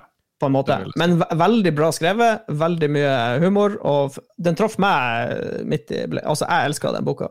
Eh, Ja. Men jeg tror jeg tror noen ikke kommer til å like stilen, men det får bare være. Det får bare Ja. være. Ja. Eh, det er litt sånn Opplegget er at det er noen magikere, kan du kanskje kalle dem. Eh, og alle de magikerne de har sin sånn ridder med seg, eller noe sånt. Og så driver alle og samles på en sånn rar plass. De skal kvalifisere seg til å, til å få en sånn stor ære om å liksom være med i noe sånn eh, elitesamfunn. De skal bli med i superklubben til keiseren. Ja, og skal dra og kicke ass i universet. men, så, men så blir det et mordmysterium med mye rart. Ja. Veldig, 30 uforståelig i hele boka, vil jeg si. Ja. Eh, så kan jeg anbefale The 10,000 Doors of January. Det handler om ei jente som heter January, og det er veldig sånn her eh, Gå i portaler hit og dit mellom verdener. Og det er noen eh, onde krefter som driver og jakter her. eh, January i en sånn veldig malerisk, fin, fin verden, egentlig. Som er ganske trist, men også veldig, veldig fint beskrevet og fortalt. Og til slutt så har jeg brukt utrolig mye tid på å finne en bokserie. Eh, Kosmisk-aktig horrorserie. Jeg snakka mye om det. En av bøkene jeg var innom fordi jeg trodde jeg kom på det, det var Zones of Thought-serien til Bernhard Winge, men det var ikke den likevel. Så, men det var kanskje det beste jeg fant i løpet av min uh, investigation. ja. Jeg liker at du er på sånn ferd for å finne ei bok du har glemt av. Ja, det er, det er helt sykt. Men eh, ja. Ja. Eh, Jeg, ble, jeg kommer til å score dårlig i denne spalten her. Jeg kjenner det på meg allerede. Vi må komme oss gjennom den. Vi må holde det vi Ok, Jeg kan, jeg kan uh, rasere gjennom mine, mine lister. Jeg har samme som Lars. Jeg har uh, Locked Tomb-serien. Yeah. Uh, Gideon og Harrow, Harrow the Ninth. Uh, fantastiske bøker. Yeah. Eh, og så har jeg lest uh, ei gammel russisk science fiction-bok. du har nevnt ei anna bok av samme forfatterne, Jon Cato, 'Roadside Picnic'. Han Lem Arkadij og Boris Ja, han, ja. Stru Strugatsky. Roadside Picnic er jo den som filmen Stalker er basert på. Ja. Dette er, dette er ei bok som jeg er ganske sikker på han der kinesiske fyren som skrev uh, Three-body problem. Jeg, kan, jeg tror han har blitt inspirert av denne boka, for det handler om uh, det handler om ei knippe forskere som uh, er på, de er på eh, terskelen av et gjennombrudd, Uh, og så begynner det å skje ting som avbryter arbeidet deres. Ja. Eh, og det er utrolig. eh, humor, eh, bra skrevet Det er ikke utenkelig at Kina og Russland eh, samarbeider og tenker likt både i litteratur, men også i politikk. For nå leste jeg egentlig en veldig skummel sak i eh, Morgenbladet nå om hvis Kina og Russland samkjører seg litt nå, altså finner Russland ut nå går vi inn i Ukraina, og Kina nå går vi inn i Taiwan. Da er det ikke en kjeft som kan gjøre noe. USA har ikke kapasitet til å bidra, eller Nato, begge deler. Så da, da kan de bare gjøre som de vil. Så Det er det største trusselen akkurat nå, at Kina og Russland tar litt sånn der eh, Vi samkjører oss litt. Vi er litt kompiser. Ganske skummel tanke. Jeg, jeg, jeg, jeg lurer på om jeg glemte å si hva boka heter. Den heter i hvert fall One Billion Years to the End of the World. Ja. Eh, den har også flere titler, men dette er den bokstavelige tittelen. Og du, den kan kjøpes eh, Penguin har jo begynt med sånn Classics-serie, hvor de gir ja, ut ja. ja, eh, Så du, hvis du går på Outland, så kan du kjøpe en veldig sweet eh, kopi av denne boka til 100 og noe kroner. Ja. Eller på nettbutikken til Outland. Eller på nettbutikken. Ja. Eh, og siste, siste jeg vil bare nevne kjapt, som jeg også har lest i år, er Martha Wells sin eh, Murderbot Diaries, eh, som jeg er hellig overbevist om er en slags scam for å få deg til å betale økende mengde penger for ganske korte bøker, men de er veldig bra skrevet Ja. og veldig morsomme. Fy faen, de blir dyrere og dyrere. Jeg Fuck for noen priser, men eh, faen heller, jeg, jeg er avhengig, så ja. Er Jokes on det en slags oppfølger til Adrian Moles dagbok? Uten tvil. Showing Our Age. Nå sa Mats skjønte ingenting. Det var en stor, stor bok. Sue Grafton sin Adrian Moles eh, diary. Den var stor da jeg var liten. Akkurat som at Adrian Moles sine diaries var oppfølgeren til Anne Franks eh, dagbøker. Ja, det var Jeg leste- Anne jeg leste bare Hardy-guttene. Da jeg var liten. Ja. Hardy- Hardy-guttenes dagbok. Det var ganske kjedelig. Smuglere, smuglere i hvert kapittel. Alltid i- Ja, jeg kan ta kjapt mine. Jeg fikk et tips fra en av våre, våre um, lyttere, han Joakim, eh, som vi kjenner godt. Han er en av våre faste lyttere. Eh, Joakim som bor med Anebeth, er det ikke det? Ja. Jo. Eh, han sendte meg en personlig melding da og tipsa meg om å lese John Michelet sin eh, Hva heter det når det er seks bøker i en serie? Sextologi?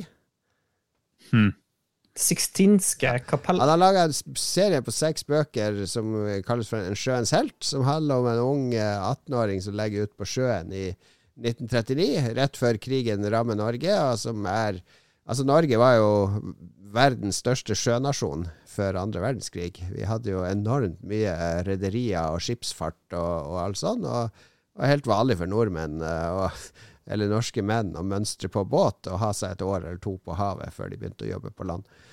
Så ja. den er jo veldig sånn der uh, Det var overraskende bra, da. Jeg er ferdig med første boka og gleder meg til å begynne på andre i romjula. Uh, fordi det er jo en veldig sånn historisk uh, nedtegnelse av hvordan det var å være sjømann på den tida. Litt eh, dramaturgi, altså litt Litt sånn der harry Jon Michelet, eh, Døden på Oslo S-aktig eh, Oslo-språk i den av og til. Når de sjømennene skal være litt grove i kjeften. Men eh, jeg ble grepet av den. Jeg skjønner hvorfor folk eh, hyller denne bokserien. Den er jævla lang, da. Hver bok er jo sånn 800 sider. Så det er jo, Jesus. er jo oh. en monumentalt å komme gjennom alle seks. Men eh, jeg tror jeg skal prøve på det. Takk. Tusen takk til Joakim for det tipset. Sånn eh, Neil Stevenson-problematikken. Omtrent. Altså, andre jeg skal anbefale, er en tegneserie som heter Freaky Dancing, som er tegna av blant annet Steve Pickford. Han er jo en spillutvikler, har laga masse masse spill på NES, Super Nintendo, Nintendo 64 osv. opp igjennom. Eh, blant annet Vetrix og Plokk, og ikke de mest kjente spillene, men en sånn britisk eh, Kjent figur i det britiske retromiljøet, i hvert fall. Og han eh, når, De bodde i Manchester når eh, Hacienda og house-musikken starta i, i England. Hacienda var liksom nattklubben som er uh, origo for house-kulturen i UK, og da selvfølgelig drugs og ecstasy og alt som var. Så de jobba rett rundt hjørnet for den. Så hver, uh, hver uh, helg når de skulle ut der på lørdag, så lagde de en sånn tegneserie som de trykka opp på jobb. Og så solgte de den tegneserien til alle. De ga den bort til alle som sto i køa for å komme inn. Og det er basically sånn tegneserie som laga på fritida om house og og ecstasy-kulturen og hele den greia. Veldig artig sånn tidsdokument laga av kreative unge folk. Eh, så de har samla alle de tegneseriene i en sånn heft, eh, bok som heter Freaky Dancing. Sånn artig tur fra det der å være forelska i hele det miljøet og, og drugs og alt sånt, til all den paranoiaen som kommer året etter, når, begynner, når, når de drugsen ikke er så morsomme lenger, og man begynner å å se gjennom fasader og sånn. Eh, veldig ærlig. Ærlig uten at de egentlig visste om det sjøl, da. Så freaky dancing. Til slutt eh, gikk jeg tom for ideer, så jeg anbefaler Mr. Men-bøkene til barna mine. De syns jeg fortsatt er artig å lese Mr. Men. Mr. Man. Mr. Man.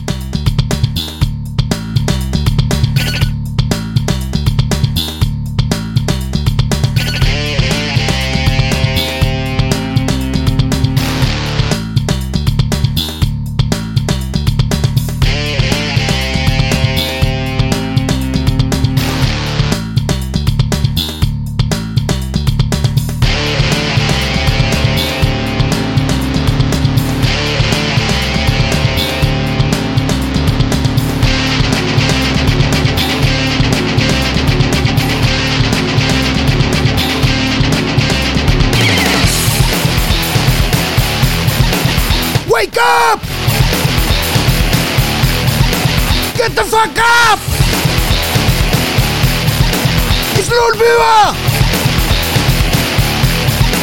In your face! Okay. Er det solokonseptet ditt Rage Against the Ruffle? Rage Against uh, Rage Quit, som konseptet konsept het. Nei, det er musikk fra Command Conquer. Det passer jo veldig bra til å Ja, skrike litt til. Jeg skulle til å si det var noe sykt kjent med den sangen der. Det forklarer jo, det har jo eh, sannsynligvis farten. Gammel Command and Conquer-musikk. Jeg skjønner ikke hvordan kona holder ut med meg, for hun sitter jo tre, to etasjer under og hører alt. Jeg har jo ikke noe dører. Jeg er jo snart 50 år, for guds skyld. Ja, det er ingen alder, det. Hva slags eksempel setter jeg for ungene mine? Det er krise. Nei, det- Familiemøte med en gang. Ja, Nå ser du innover. Det liker jeg. Ja. Jeg kompenserer med anbefalingen min. Jeg tar den med en gang. Fordi noen ganger på YouTube så går vi ned når jeg sitter med ungene nede. Og, og så tenker jeg nå skal vi se på noe sammen. For alle sitter ofte med hver sin skjerm. De skal se på sine youtubere og streamere og whatnot. Så jeg, nå skal vi se på noe sammen. La oss se på hva som er ny musikk på vei opp i Norge nå. For YouTube har en sånn egen liste på vei Mm. opp i Norge. Topp 20. Er Mye koreansk der. Mye sånn koreansk boyband-musikk og sånne ting. Veldig mye ræl. Jeg tror k-pop er veldig populært. Er det Men der! Ed Sheeran og Elton John har laga en sånn julesang sammen, da. Lord. Som Hva heter den? Jeg husker ikke. Husker, Merry Christmas, motherfuckers! Men uh, kona mi elska den. Den er sånn Den er sånn engelsk julesang. Sånn det, skal, det er sånn Last Christmas møte Do They Know It's Christmas Time At All. Eh, Det er alle de klisjeene. Altså, den videoen òg. De er i juleklær, de er i stua med peisen. De, de har ikke noen mobiltelefoner som forstyrrer der. Det har de ikke. Men det er julestemning through and through.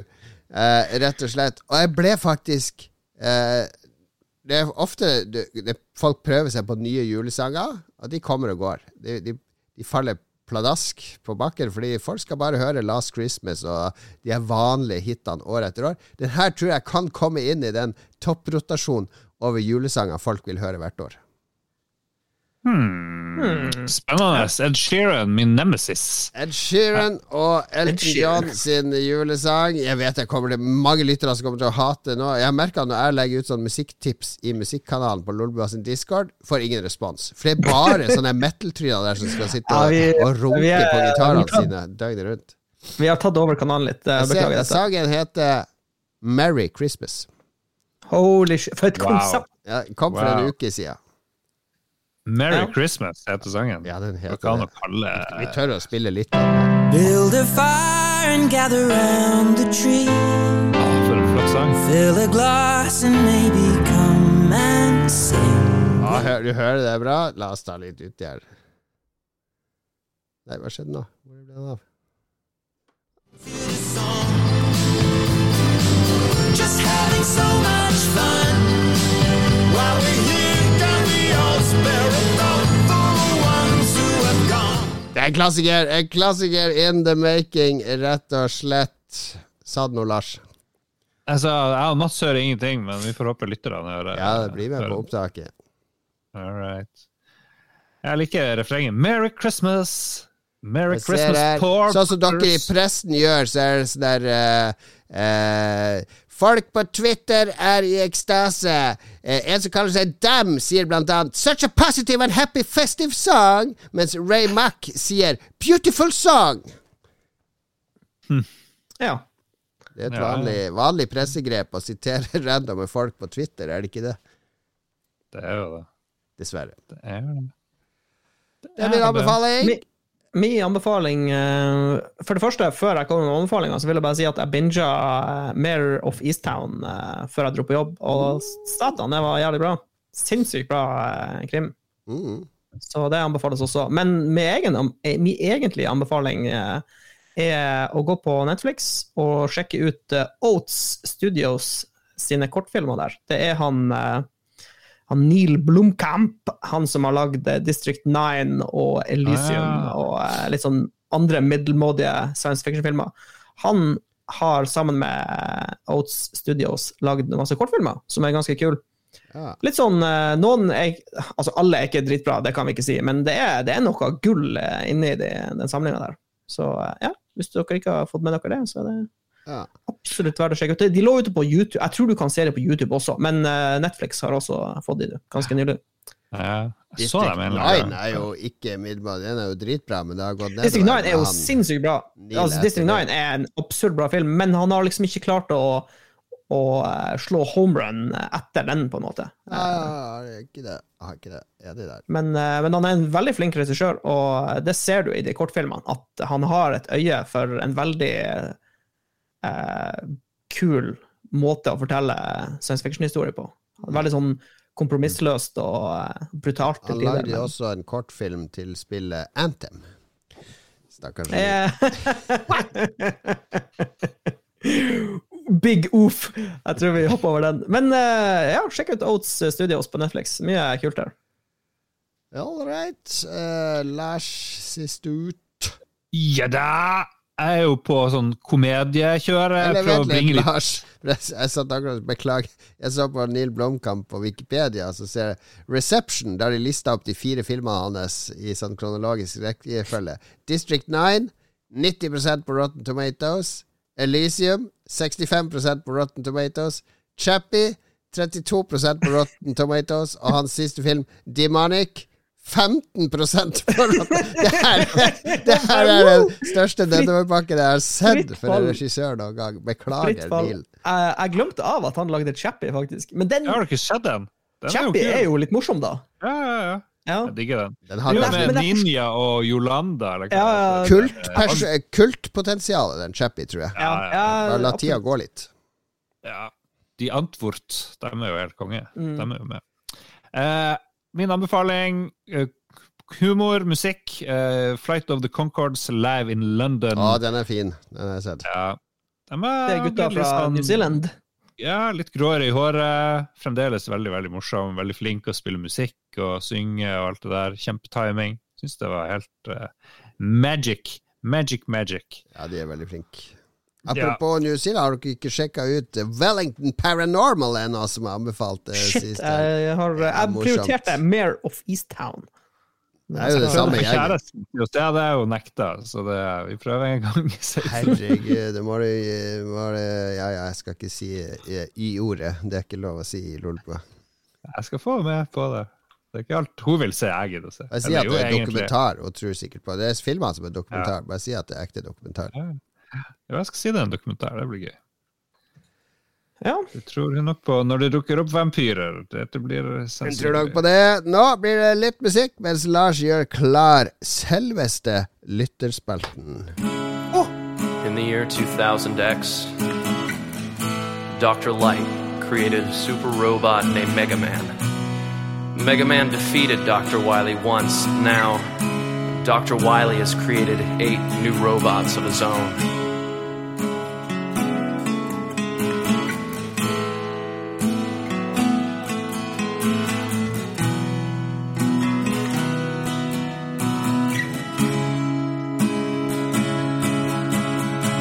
My name is Mega Man, and do all I Slapp opp for låta, så jeg måtte repetere den. her. Men det var en veldig fin låt, den Megaman-låta til bandet Mega.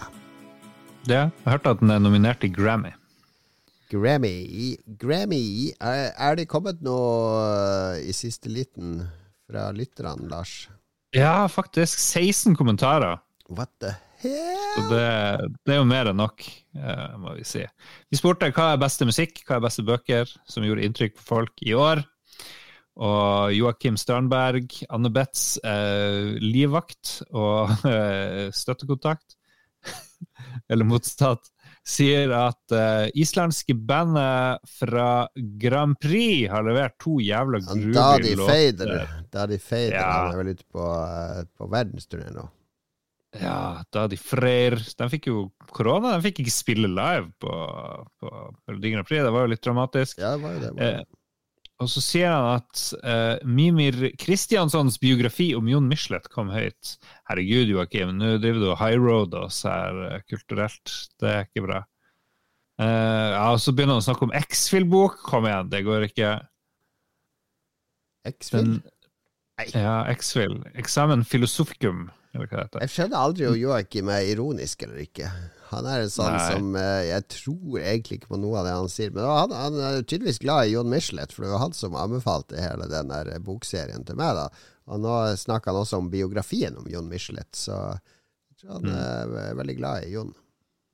Og så skriver Joakim litt om sånne deviant seksuelle ting, men de kan ikke vi nevne, for det, Nei, nei, nei, nei, det nei, blir nei, nei. sterkt. Ikke på lufta. Ikke på lufta. Tommy Wilhelmsen eh, han er veldig glad i War on Drugs sin siste plate. Det er sånn band jeg kan navnet på, men som jeg ikke klarer å Jeg har aldri hørt på musikalsk. Hmm. Og så sier han Spider-Girl har levert den beste norske plata. Jeg visste ikke at de var norske engang. Spider-God. Oh, De, det har jeg helt glemt av. De har jo akkurat kommet med en ny plate, Ja. som jeg ikke har hørt på. Men jeg elsker Spider-God. Ja. Inn fra The Left Field kom Mats Rindal Johansen. Hallo. Ole. Kristian Sveen eh, sin favorittbok i år. Han sier det har gått mye i Peppa Gris på sommerferie på bokfronten. Hyggelige bøker, det. Ja, jo, absolutt. Eh, kompisen din, Mats, han er Ja. he's back. Han Torbjørn. Han eh, sier at uh, Mordew av Alex Phoebe og komponisten, pianisten Luke Howard er det som går høyest opp hos han. Dette gikk over hodet Mordew. mitt, men uh, det var var et veldig fint cover på den der eh, Alex Phoebe-boka. Ja, svart-hvitt og Ja, litt sånn old school. eh, Fantasy fiction gothic horror. Trykke på et par knapper, så takk for det tipset skal du ha. Ja. Torbjørn. Takk skal du faen meg ha. Torbjørn Øverland Amundsen, kjøp hans bøker! Do it now. Jonas Røiseth er imponert av Knausgård sin nye bok 'Morgenstjernen'. Men har ikke han noe sånn her eh, Og så dro ulvene ut i skogen og drepte alle sammen, eller noe sånn uh, Evighetens ulver i mørke skoger, eller Knausgård? Han, det. Knausgård, det er han min kampfyren. Å ja! Nei, men eh, skrev ikke han Nei, blander jeg på nytt igjen? Kan godt hende. Ikke umulig. Jeg tror jeg, tror jeg blander. ja. Ja. Knausgård er veldig populær i utlandet. Han er høyt på listen der. Ja. Altså. Han er Hvem som skrev den der ulvene og det? Ulvene fra evighetens skog. Det er hans nye bok skal komme i år, hvis den ikke har Ja, ok, kommet. ja, se, jeg er ikke helt eh, Jo, men den, den lå jo ute på, Gard på Gardermoen. Intellektuell. Ja, jeg følger med, folkens. Ja, ja, Følg med. Du brukte jo å være kulturredaktør, Lars. Det her burde Ja. du ha koll på. Jeg sier jo Ja. Knausgård. Jeg har ikke lest noe av Knausgård, er det lov å si? Jeg har heller ikke lest noe av Knausgård. Ja. Uh, vi, vi kan komme tilbake nå til spørsmålet som kom for lenge siden, Mats. Hvor blir det av boka vår? Uh, har vi svart på det? Shit. Jeg håpet at det skulle bare gli uh, sakte inn i Ja, Men Vi kan si at vi har, vi har In progress. Ja, vi har skrevet eh, noen linjer, har vi ikke? Jeg føler at vi har skrevet noe. Et par ord, kanskje. Lars. Shut your, shut your mouth. Det kommer, kommer Nei, vi- kun for patrions. Vi har, eh, vi har hatt en liten setback. Eh, 2021 var ikke eh, året Nei. for uh, skriveduoen Mats Lars. Men uh, vi, skal, vi, skal gå, vi tar kritikken uh, til oss, uh, og vi kommer til å skrive mer i 2022. Ja. Stefendish Rønstad med det bra navnet, han sier at årets bok må vel bli Sea of Thieves, Atinas Fortune. Det vil si- Gud. Feil podkast, feil podkast, Steffen Dish. Ta og Send det her skiten til Ståle. Og det, kanskje det er en bok? Eh, men ja, jeg vet ikke. Årets sang, Sea of Thieves, Becalmed med tekst. Ok, ok. Veldig bra. Han Ikke eh, bra. Ikke bra.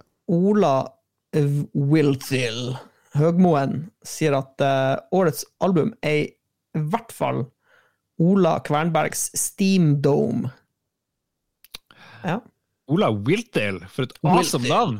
Hvor du har vært hele livet Ja. mitt. Dette tror jeg kan være noe for det, Mats. For jeg ser når jeg går på Ola Kvernberg på Spotify, står han på en scene, mørk scene, lysete bakfra, han står med en fele. Oh, Det kan være at vi er i er folkerockeland er, her, så Jeg er om bord. Er marker. Ola Kvernberg, eh, Mats. Dette, denne tror jeg treffer det. Legg det til med en gang. Steamdome Steam Dome 2. Ja, det høres jo Fiolin og Steam Dome. Jeg hører jo at dette er interessant musikk, uten å ha satt trykk på play. Eirik Dahl eh, er litt mer eh, eh, Hva skal vi si konvensjonell. Blir nok Halloween, Powerwolf og Temperance sine nyeste album, som har vært best for min del i år. Beste bok jeg har jobbet med i år, må være You Died, etter anbefaling fra Jon Cato. Ja, den er fin. Halloween, de er i live, liksom. Det var det jeg hørte på på 80-tallet, tror jeg. Ja, de er still kicking. Still kicking. on. Håkon Puntis eh, Puntervold eh, is back. Armin Back, van baby. Buren forever. Jesus. Sånn apropos folk som fortsatt holder på. Ja. Fantastisk album hvor Armin lager låter med Paul Oakenfold, Rank 1 Masse navn her jeg ikke skjønner hva Jeg har lest flere navn. Jeg liker å Ja. lese dem. Ali og Fila. Jeg tror de satt inne i lag på Gaustad. og så har han Push, Oh. han er også inne, og andre transartister. Altså, når jeg Transartister, det er snakk om musikk Nei, det var en dårlig spøk. Vi gravlegger den hardt. Håkon er jo, har jo DJ-fingre og DJ-hjerte, sånn som meg, så jeg kan, eh, kan stille meg bak dette, altså. Håkon, eh, Håkon har god eh, smak når det gjelder eh, house og transmusikk. det er alle smakene som baken. Ja, han, Martin Pettersen sier at den beste musikken må være Beatles og krangle i seks timer mens Yoko sitter på en krakk. Høydepunkt når Yoko fikk tak i mikrofonen, og han syntes det var synd de ikke slapp å mer til. Vet du hva? Som en som har hørt Yoko synge i den Beatles-dokumentaren der, det er helt grusomt. Det er jo litt på- underholdende. Jeg har vært på konsert med Yoko. Jeg, Det, skjønner du. jeg Det spilte på Øya et år. Jesus lord. Jesus Lord. Ja, ja. Yoko, Ja, den Yoko der forever. Beatles-greia Jeg, jeg posta den jo til vår venn Magnus Tellefsen fordi han eh, Aksel Kielland i Morgenbladet Han er den beste TV-serieanmelderen. Han liker jo ingen TV-serier. Så alle hans take om TV-serier er De er mors, ofte morsommere enn seriene, da. Men han hadde jo i sin anmeldelse av Beatles, så skriver han jo Uh, ja, at uh, som seer får man regelmessig følelsen av at Beatles stirrer tilbake på en med et blikk som spør om han virkelig har tenkt å bruke åtte timer av livet sitt på noe såpass ufokusert, fragmentarisk og uferdig som dette. De vet ikke at de er i ferd med å finne opp reality-TV, og vet ikke at om 50 år så er det ingenting publikum heller vil enn å få tiden sin spist opp av lettilgjengelig underholdning. Microphone drop. Aksel Kielland has left the building. Han har bra anmeldelser, han Aksel. De er gøy å lese. Mm. Ja, bra. Jeg er ennå ikke ferdig med første del av den filmen om Beatles. Den tredelte filmen. Ja, du. Det er fremdeles en film, ja. Jesus. Det er en film! Cinema! Du elsker jo nettopp en anmeldelse hvor han snakker om TV-serier og sånt, så jeg vet ikke. Ja, ja. Du, forresten, det kommer en TV-serie nå eh, på HBO neste uke, er det vel, som heter Station Eleven. Uh, så jeg tror jeg snakka om den boka for mange år siden i, uh, i Lolbø. En sånn postapokalyptisk uh, sci-fi-bok om en sånn sirkustropp som reiser rundt i Nord-Amerika etter hele samfunnet har kollapsa etter en influensa. En sånn influensapandemi. Oh, shit. Uh, så jeg, jeg, jeg, syns alltid det er litt sånn artig når jeg har lest en bok som plutselig blir TV-serie eller film. Har dere, kjenner, har dere kjent på den følelsen at den boka som jeg leste da, som jeg likte ganske godt, den har nå blitt filmatisert? Ja, har kjent jeg på- leste den jævla. Potensial. Altså, det skjer jo ofte med fantasybøker, sånn som Game of Thrones og Will of Time og sånn. Men uh, jeg, har noen, jeg har noen bøker jeg liker veldig godt, så jeg håper en dag blir uh, uh, kanskje noen kule animerte serier. Litt sånn Ja. som Arcane og, og i, den, i den gata. For jeg tror, jeg tror mange av de her største science fiction-verkene og fantasy-verkene jeg, tror jeg tror det er vanskelig å lage filmer og TV-serier, rett og slett. For det blir så stort budsjett. Ja, det, eller, ja, det kommer jo an på scopet til de bøkene, for det scopet på den her er jo relativt avgrensa. Det er jo ikke masse teknologi og fancy sci-fi-ting. Er Jeg må innrømme, jeg, jeg er litt spent, fordi uh, han, uh, han der uh, De og de, de som lagde Game of Thrones, eller var showrunnere, de skal jo lage TV-serie av eh, Tripod i Problem. De folka, men nå har de en bok i hvert fall. Nei, men altså, de, uh, de er ikke så dårlige showrunners. Altså, TV-seriene ble dårlige når de gikk tom for bokmateriale. Og det er nødvendigvis ikke deres feil. Men er det Jeg merker jo Jeg syns det er veldig gøy når Oi, det har jeg lest, og tydeligvis noen som har lest det, og så funnet ut at dette er bra nok til å adaptere. Altså Her er det en nerve som vi kan, også kan gjøre til en film. Men så merker jeg også at jeg er ikke så interessert i verken filmen eller serien. Jeg er mer interessert i å bevare leseopplevelsen min. Jeg er ikke, jeg er ikke noe investert i om det går bra eller ikke. Mm. Nei Jo, ja. Jeg kan skjønne, kan skjønne det. Det er liksom, Men, men du, på en måte, du har lest boka, ikke sant? Så Ja. du, du har hatt opplevelsen. Sannsynligvis optimal opplevelse. Men kanskje kan TV-serien gjøre at de bare får et Hvis de bare får et lite blikk inn i den opplevelsen du hadde, så er jo det en bra ting, er det ikke?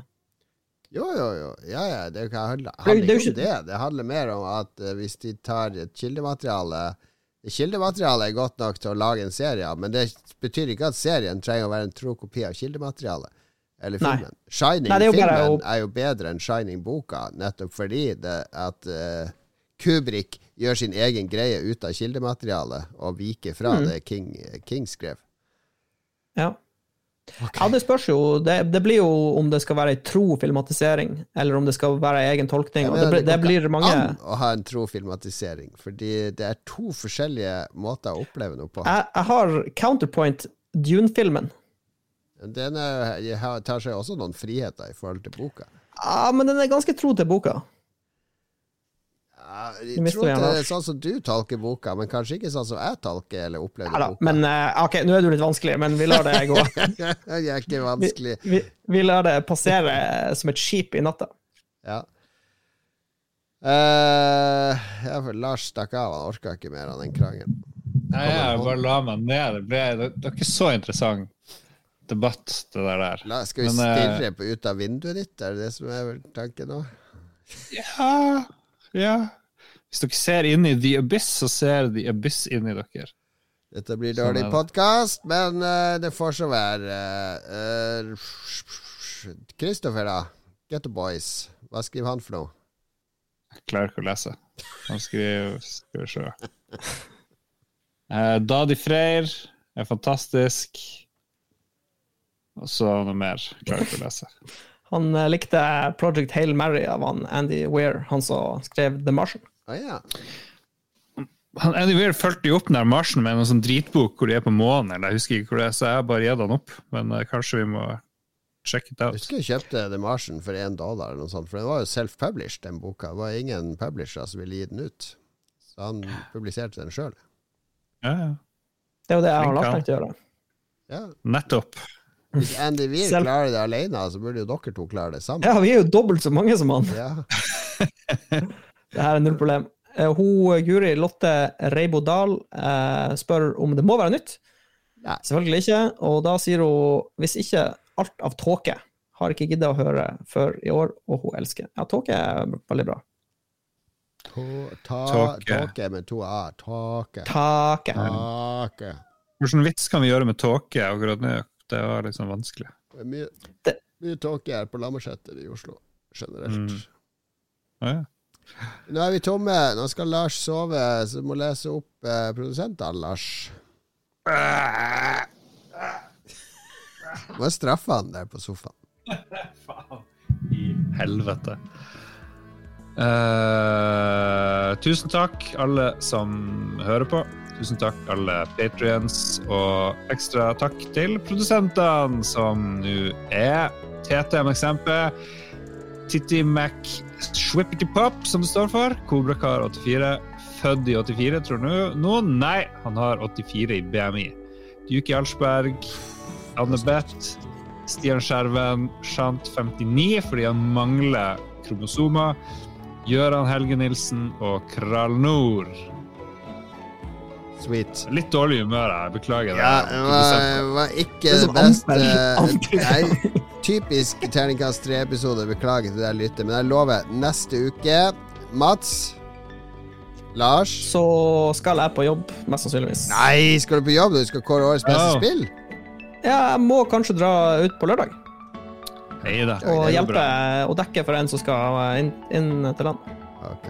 Aha. Da får vi kåre årets beste spill, da, Lars. Få med oss uh... Jeg, jeg nominerer Escape from Tarkov til Goti 2021. Nei, nei, nei, du skal akkurat si at da blir det ikke sånn Escape from Tarkov og sånne ting. Fordi hjemmeleksa til neste gang Lars, det er å spille det du føler du må spille før den kåringa. Er det forstått? Ja, ja, ja. Nå skal vi hente inn uh, reserver. Så du, One noen big guns. Ja, skal vi hente inn, eller? Ja, det er jo bare koordiner det, Lars. Fiks Ja. reserver, altså. Jeg koordinerer. Jeg koordinerer. Vi fikser det. Men det blir eh, årets beste spill neste gang, og julekos. Vi skal drikke gløgg, vi skal hygge oss. eh, så jeg lover, neste episode blir ikke terningkast tre. Minimum terningkast fire. Minimum. Garantert. Ja, jeg, jeg har sett at de her Ragequit har slutta å gi ut episoder nå, så kanskje vi får med noen av de. Ja, men det er fordi at der er det noe som er reelt overarbeida i helsevesenet, Lars. Du må ha sympati for vår, vår venn Det Ståle. er jo ikke Ståle Jeg, jo, det Jeg ringer Ståle er hver uke og spør om det går, om hvordan det går. Trenger du noen å snakke med? Går det bra på jobb? Jeg går ut fra at du gjør det samme. Ja Men det problemet der er jo at alle de andre i Ragequit er lat og overlater alt arbeidet Nei, er, på Ståle. De, de, de andre to har babyer på under et år, Lars. Nå, nå må, vi, jo- må vi få opp sympatigenet her. Sympatigenet må vokse. Det er jul, tross alt. Da skal man tenke på andre, ikke seg sjøl. Øh. God jul, kjære lytter. Det blir bra episode neste uke. Vi snakkes. God tur på jobb, Mats.